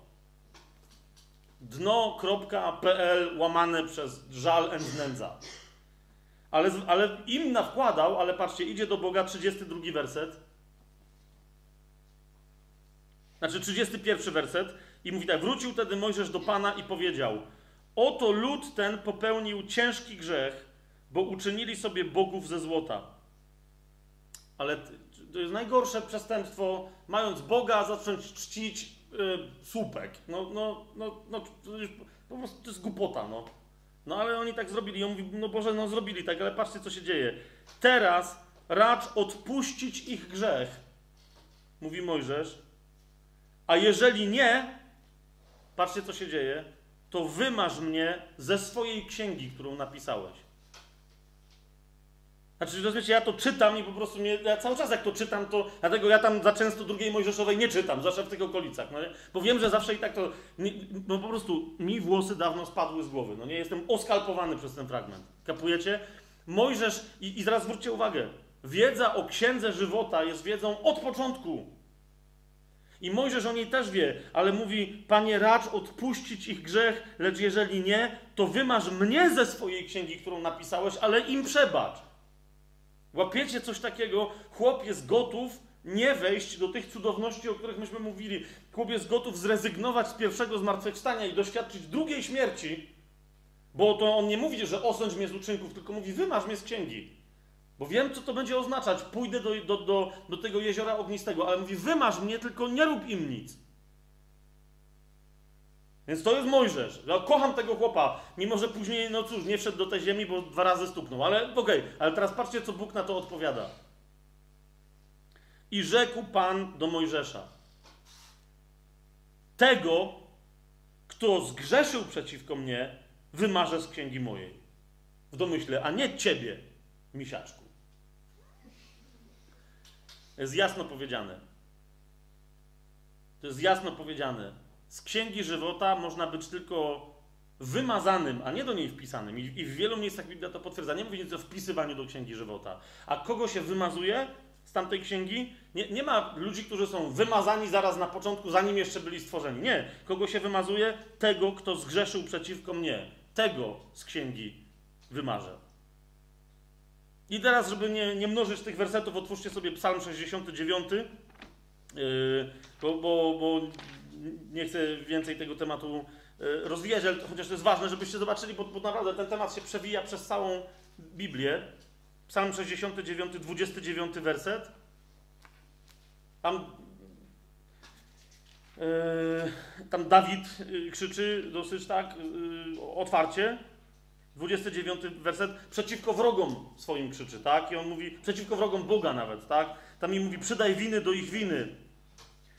Niech nie dostąpią sprawiedliwości Twojej. Widzicie? Czyli on mówi, ja wiem, że oni nie zmartwychwstaną pierwszym zmartwychwstaniem, ja to wiem. Ale ja Cię proszę, Boże, żeby nawet na sąd Twój nie poszli. Bo wtedy by doświadczyli sprawiedliwości. O co Cię proszę? 29 werset, zobaczcie. Niech będą wymazani z księgi życia, a ze sprawiedliwymi niech nie będą zapisani. Jak można być niezapisanymi w księdze życia ze sprawiedliwymi? Tylko przez wymazanie. No oczywiście Bóg go tu nie wysłuchał, no nie?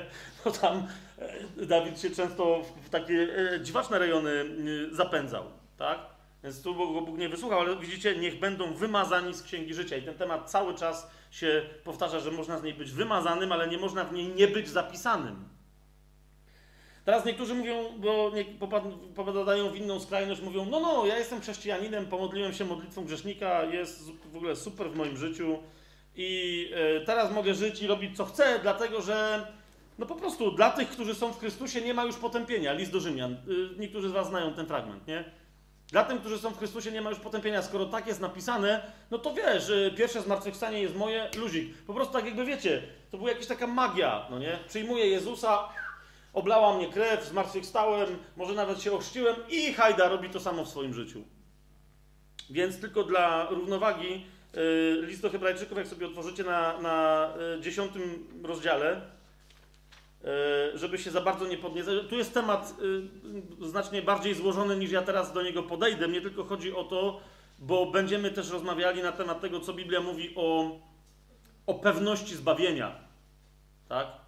Bo istnieje coś takiego jak pewność zbawienia. To i, i bycie przeznaczonym do zbawienia, tylko że przeznacz, to przeznaczenie jest, jest, jest, jest wynikiem wyboru, ale jeszcze raz, nauczanie o pewności zbawienia nie może nam jednej rzeczy sprzed oczu odsunąć. Mianowicie, że kto ma życie od ducha, w duchu od tej pory ma chodzić, a nie dalej trwać w grzechu, bo odpadnie. Więc ym, list do Hebrajczyków, 10 rozdział, 26 werset. Co tam jest napisane? Bo jeśli otrzymawszy poznanie prawdy, rozmyślnie dalej lekceważąco grzeszymy, to nie ma już dla nas ofiary za grzechy. I on to mówi, bo teraz on to mówi do chrześcijan, tak? On mówi, to, to nie mówi do, wiecie, on mówi do ochrzczonych. On mówi do napełnionych Duchem Świętym. O, bo z wcześniejszego kontekstu to wynika, tak? Tam jak sobie zobaczycie, baczmy jedni na drugich w celu pobudzenia się do miłości i tak dalej. To mówi, bo jeśli otrzymawszy poznanie prawdy, rozmyślnie grzeszymy, nie ma już dla nas ofiary za grzechy. Ale co? Tylko straszliwe oczekiwanie sądu, a potem co? Żar ognia, który strawi wszystkich przeciwników. Widzicie to?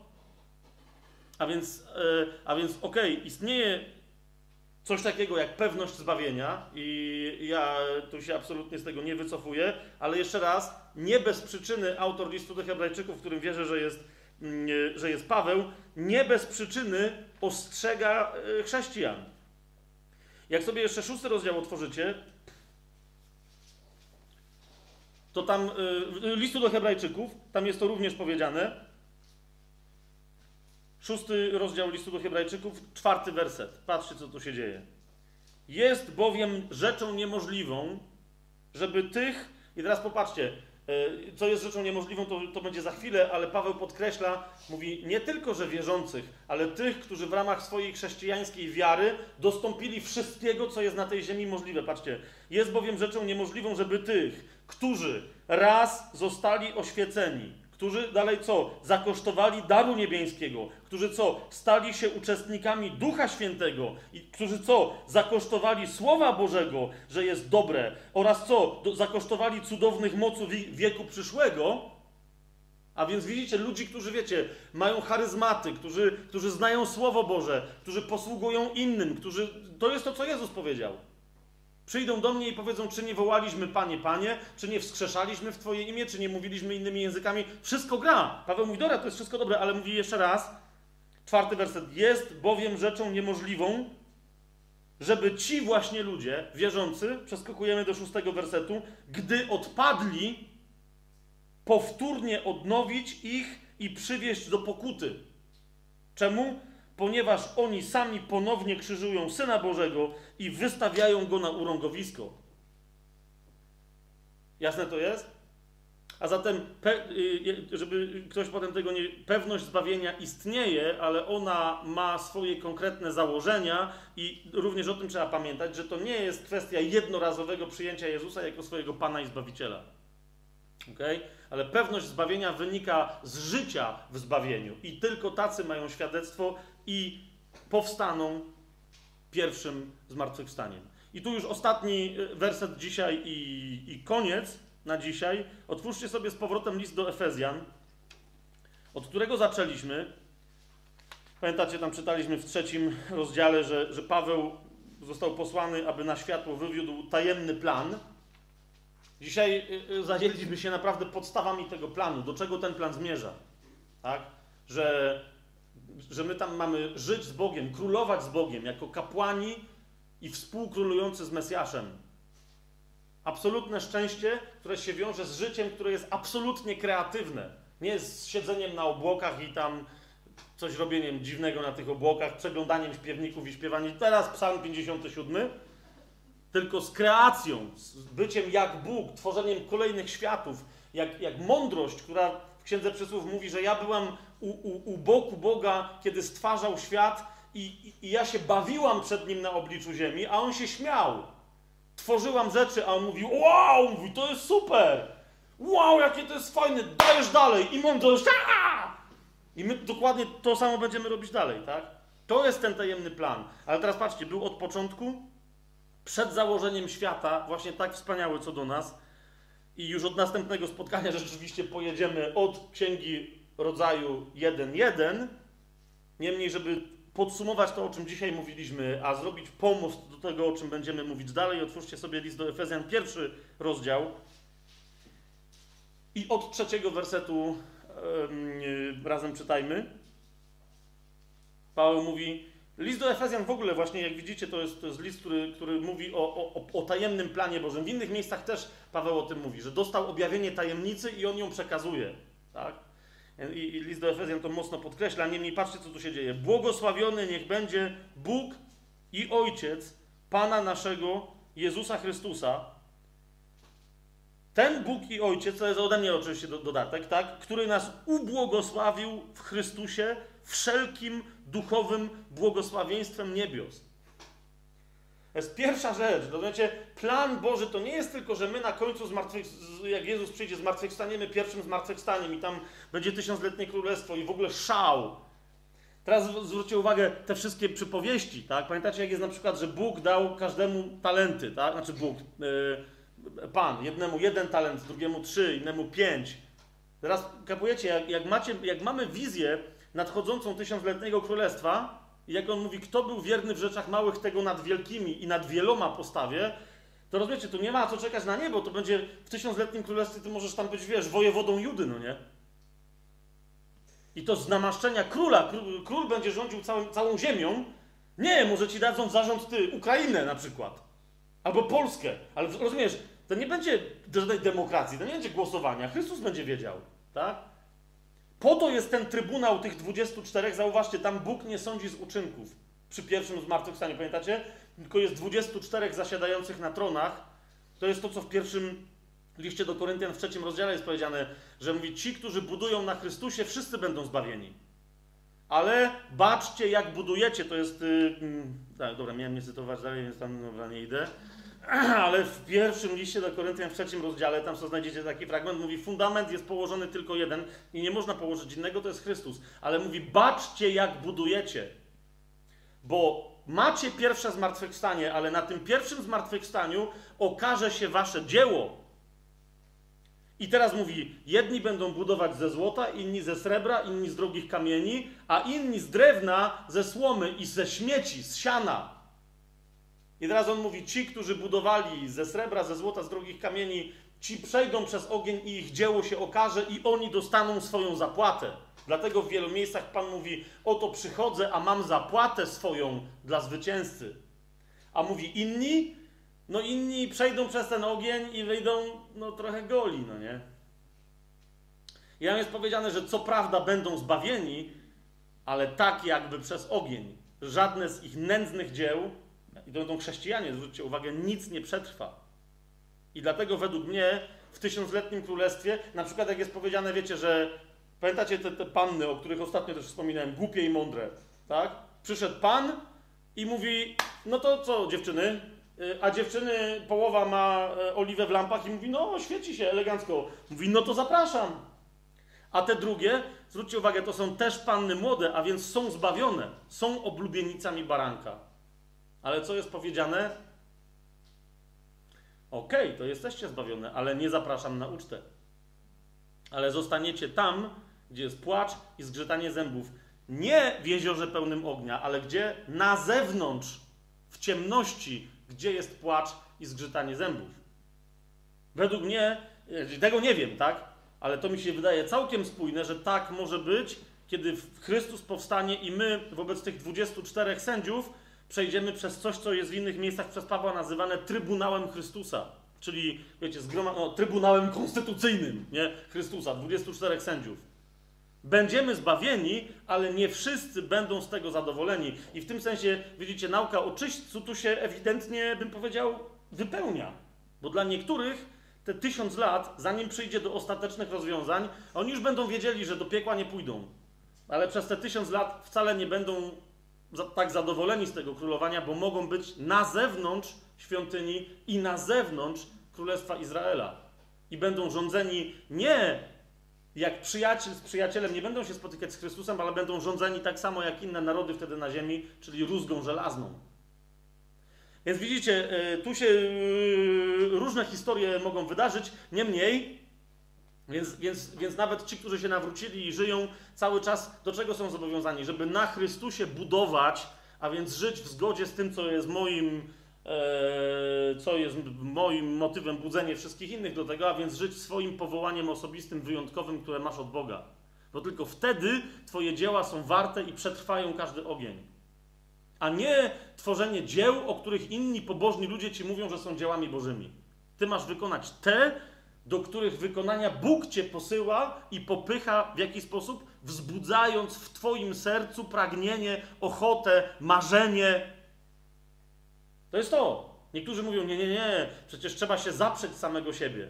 No a z drugiej strony pismo nie mówi, że ojciec, Bóg, jest źródłem każdego chcenia i działania, każdego pragnienia i następnie jego wykonania, które jest zbożne? Więc wiesz, zamiast latać do kościoła na przykład i tam coś tworzyć, jak cię Bóg wzywa, napisz książkę, to napisz najpierw książkę. I niech ona, niech ona będzie twoim dziełem, rozumiesz, które na przykład, nie wiem, dotknie innych ludzi, tak? No teraz powiedziałem sam sobie proroctwo. Napisz książkę Błaszkiewicz. Dobra, to wracamy tutaj. Coś wam chciałem powiedzieć, sam sobie rąbnąłem. No, ale dobrze, błogos... zobaczcie, co się dzieje. Mamy wszystko. To jest jeden z planów Bożych, że zanim my dojdziemy do tego królestwa, tu kto ci może coś takiego dać? Zobacz, coś tu jest napisane. Błogosławiony niech będzie Bóg, który, co, który nas ubłogosławił w Chrystusie wszelkim duchowym błogosławieństwem niebios. Już tutaj. A my żyjemy jak jakieś szczyle ze wsi strasznej, bo są też cudowne wsie. My żyjemy jak jakieś łosie samoograniczające się, które my jesteś ubłogosławiony wszelkim błogosławieństwem niebieskim. A więc my, naszym zadaniem jest ściągać to błogosławieństwo z nieba na ziemię. To, wam, to jest to, co na początku wam powiedziałem. Wola Twoja jako w niebie, tak i na ziemi. Inni mogą o tym, o tym sobie tylko pomarzyć. My, naszym obowiązkiem jest sprowadzać niebo na ziemię, bo jesteśmy ubłogosławieni. I dalej, czwarty werset. Widzicie? Jesteśmy ubłogosławieni w Chrystusie i teraz patrzcie, w Nim bowiem wybrał nas Bóg przed założeniem świata, abyśmy byli święci i nienaganni przed obliczem Jego.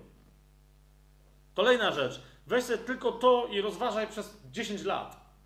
Wyobrażaj sobie Boga, który nie było świata, nie było tam macie na kalendarzu, widzicie, tam są góry takie, nie? Nie było tego wszystkiego, nie było, nie było ziemi, nie było nieba, nie było nic, a Bóg myślał o tobie. Kupujesz to? Malwina, dobrze mówię? Malwina. Obczajasz to? Rozumiesz? Wszechświat, wszystko, Andromeda, tam Orion, a on wiesz, siedzi, no nie, wziął sobie długopis mówi, okej, ale teraz, yy, i tam siedzi jeszcze Jezus, Duch Święty, no nie, i on do nich mówi, okej, mówi, y, panowie, yy, teraz Malwina, no nie? Jak sobie wyobrażacie Malwinę, co możemy w nią złożyć? Jakie dary jej dać? Co, do czego byśmy ją potem popychali, żebyśmy mieli radochę?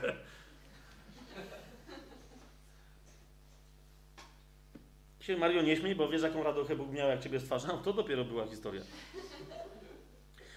I, I ostatnia rzecz to jest końcówka czwartego wersetu i, i, i następnie piąty. W miłości, w miłości przeznaczył nas dla siebie do dziecięctwa, tu jest synostwa, ale to na to samo wychodzi, przeznaczył nas dla siebie do synostwa przez Jezusa Chrystusa według upodobania swojej woli. Nie dlatego, że musiał, ale dlatego, że mu się chciało. Zanim cię miał, zanim mnie miał, to zawsze było dla mnie trudne, ale e, zanim mnie miał, to już mnie kochał. Ale czad. A zatem, widzisz, cały ten jego tajemny plan to nie jest plan dla wszechświata. Ten plan, który my chcemy sobie ujawniać tutaj, to jest plan dla ciebie. Nie na ciebie. Bóg nie ma planu na ciebie, to jest plan dla ciebie.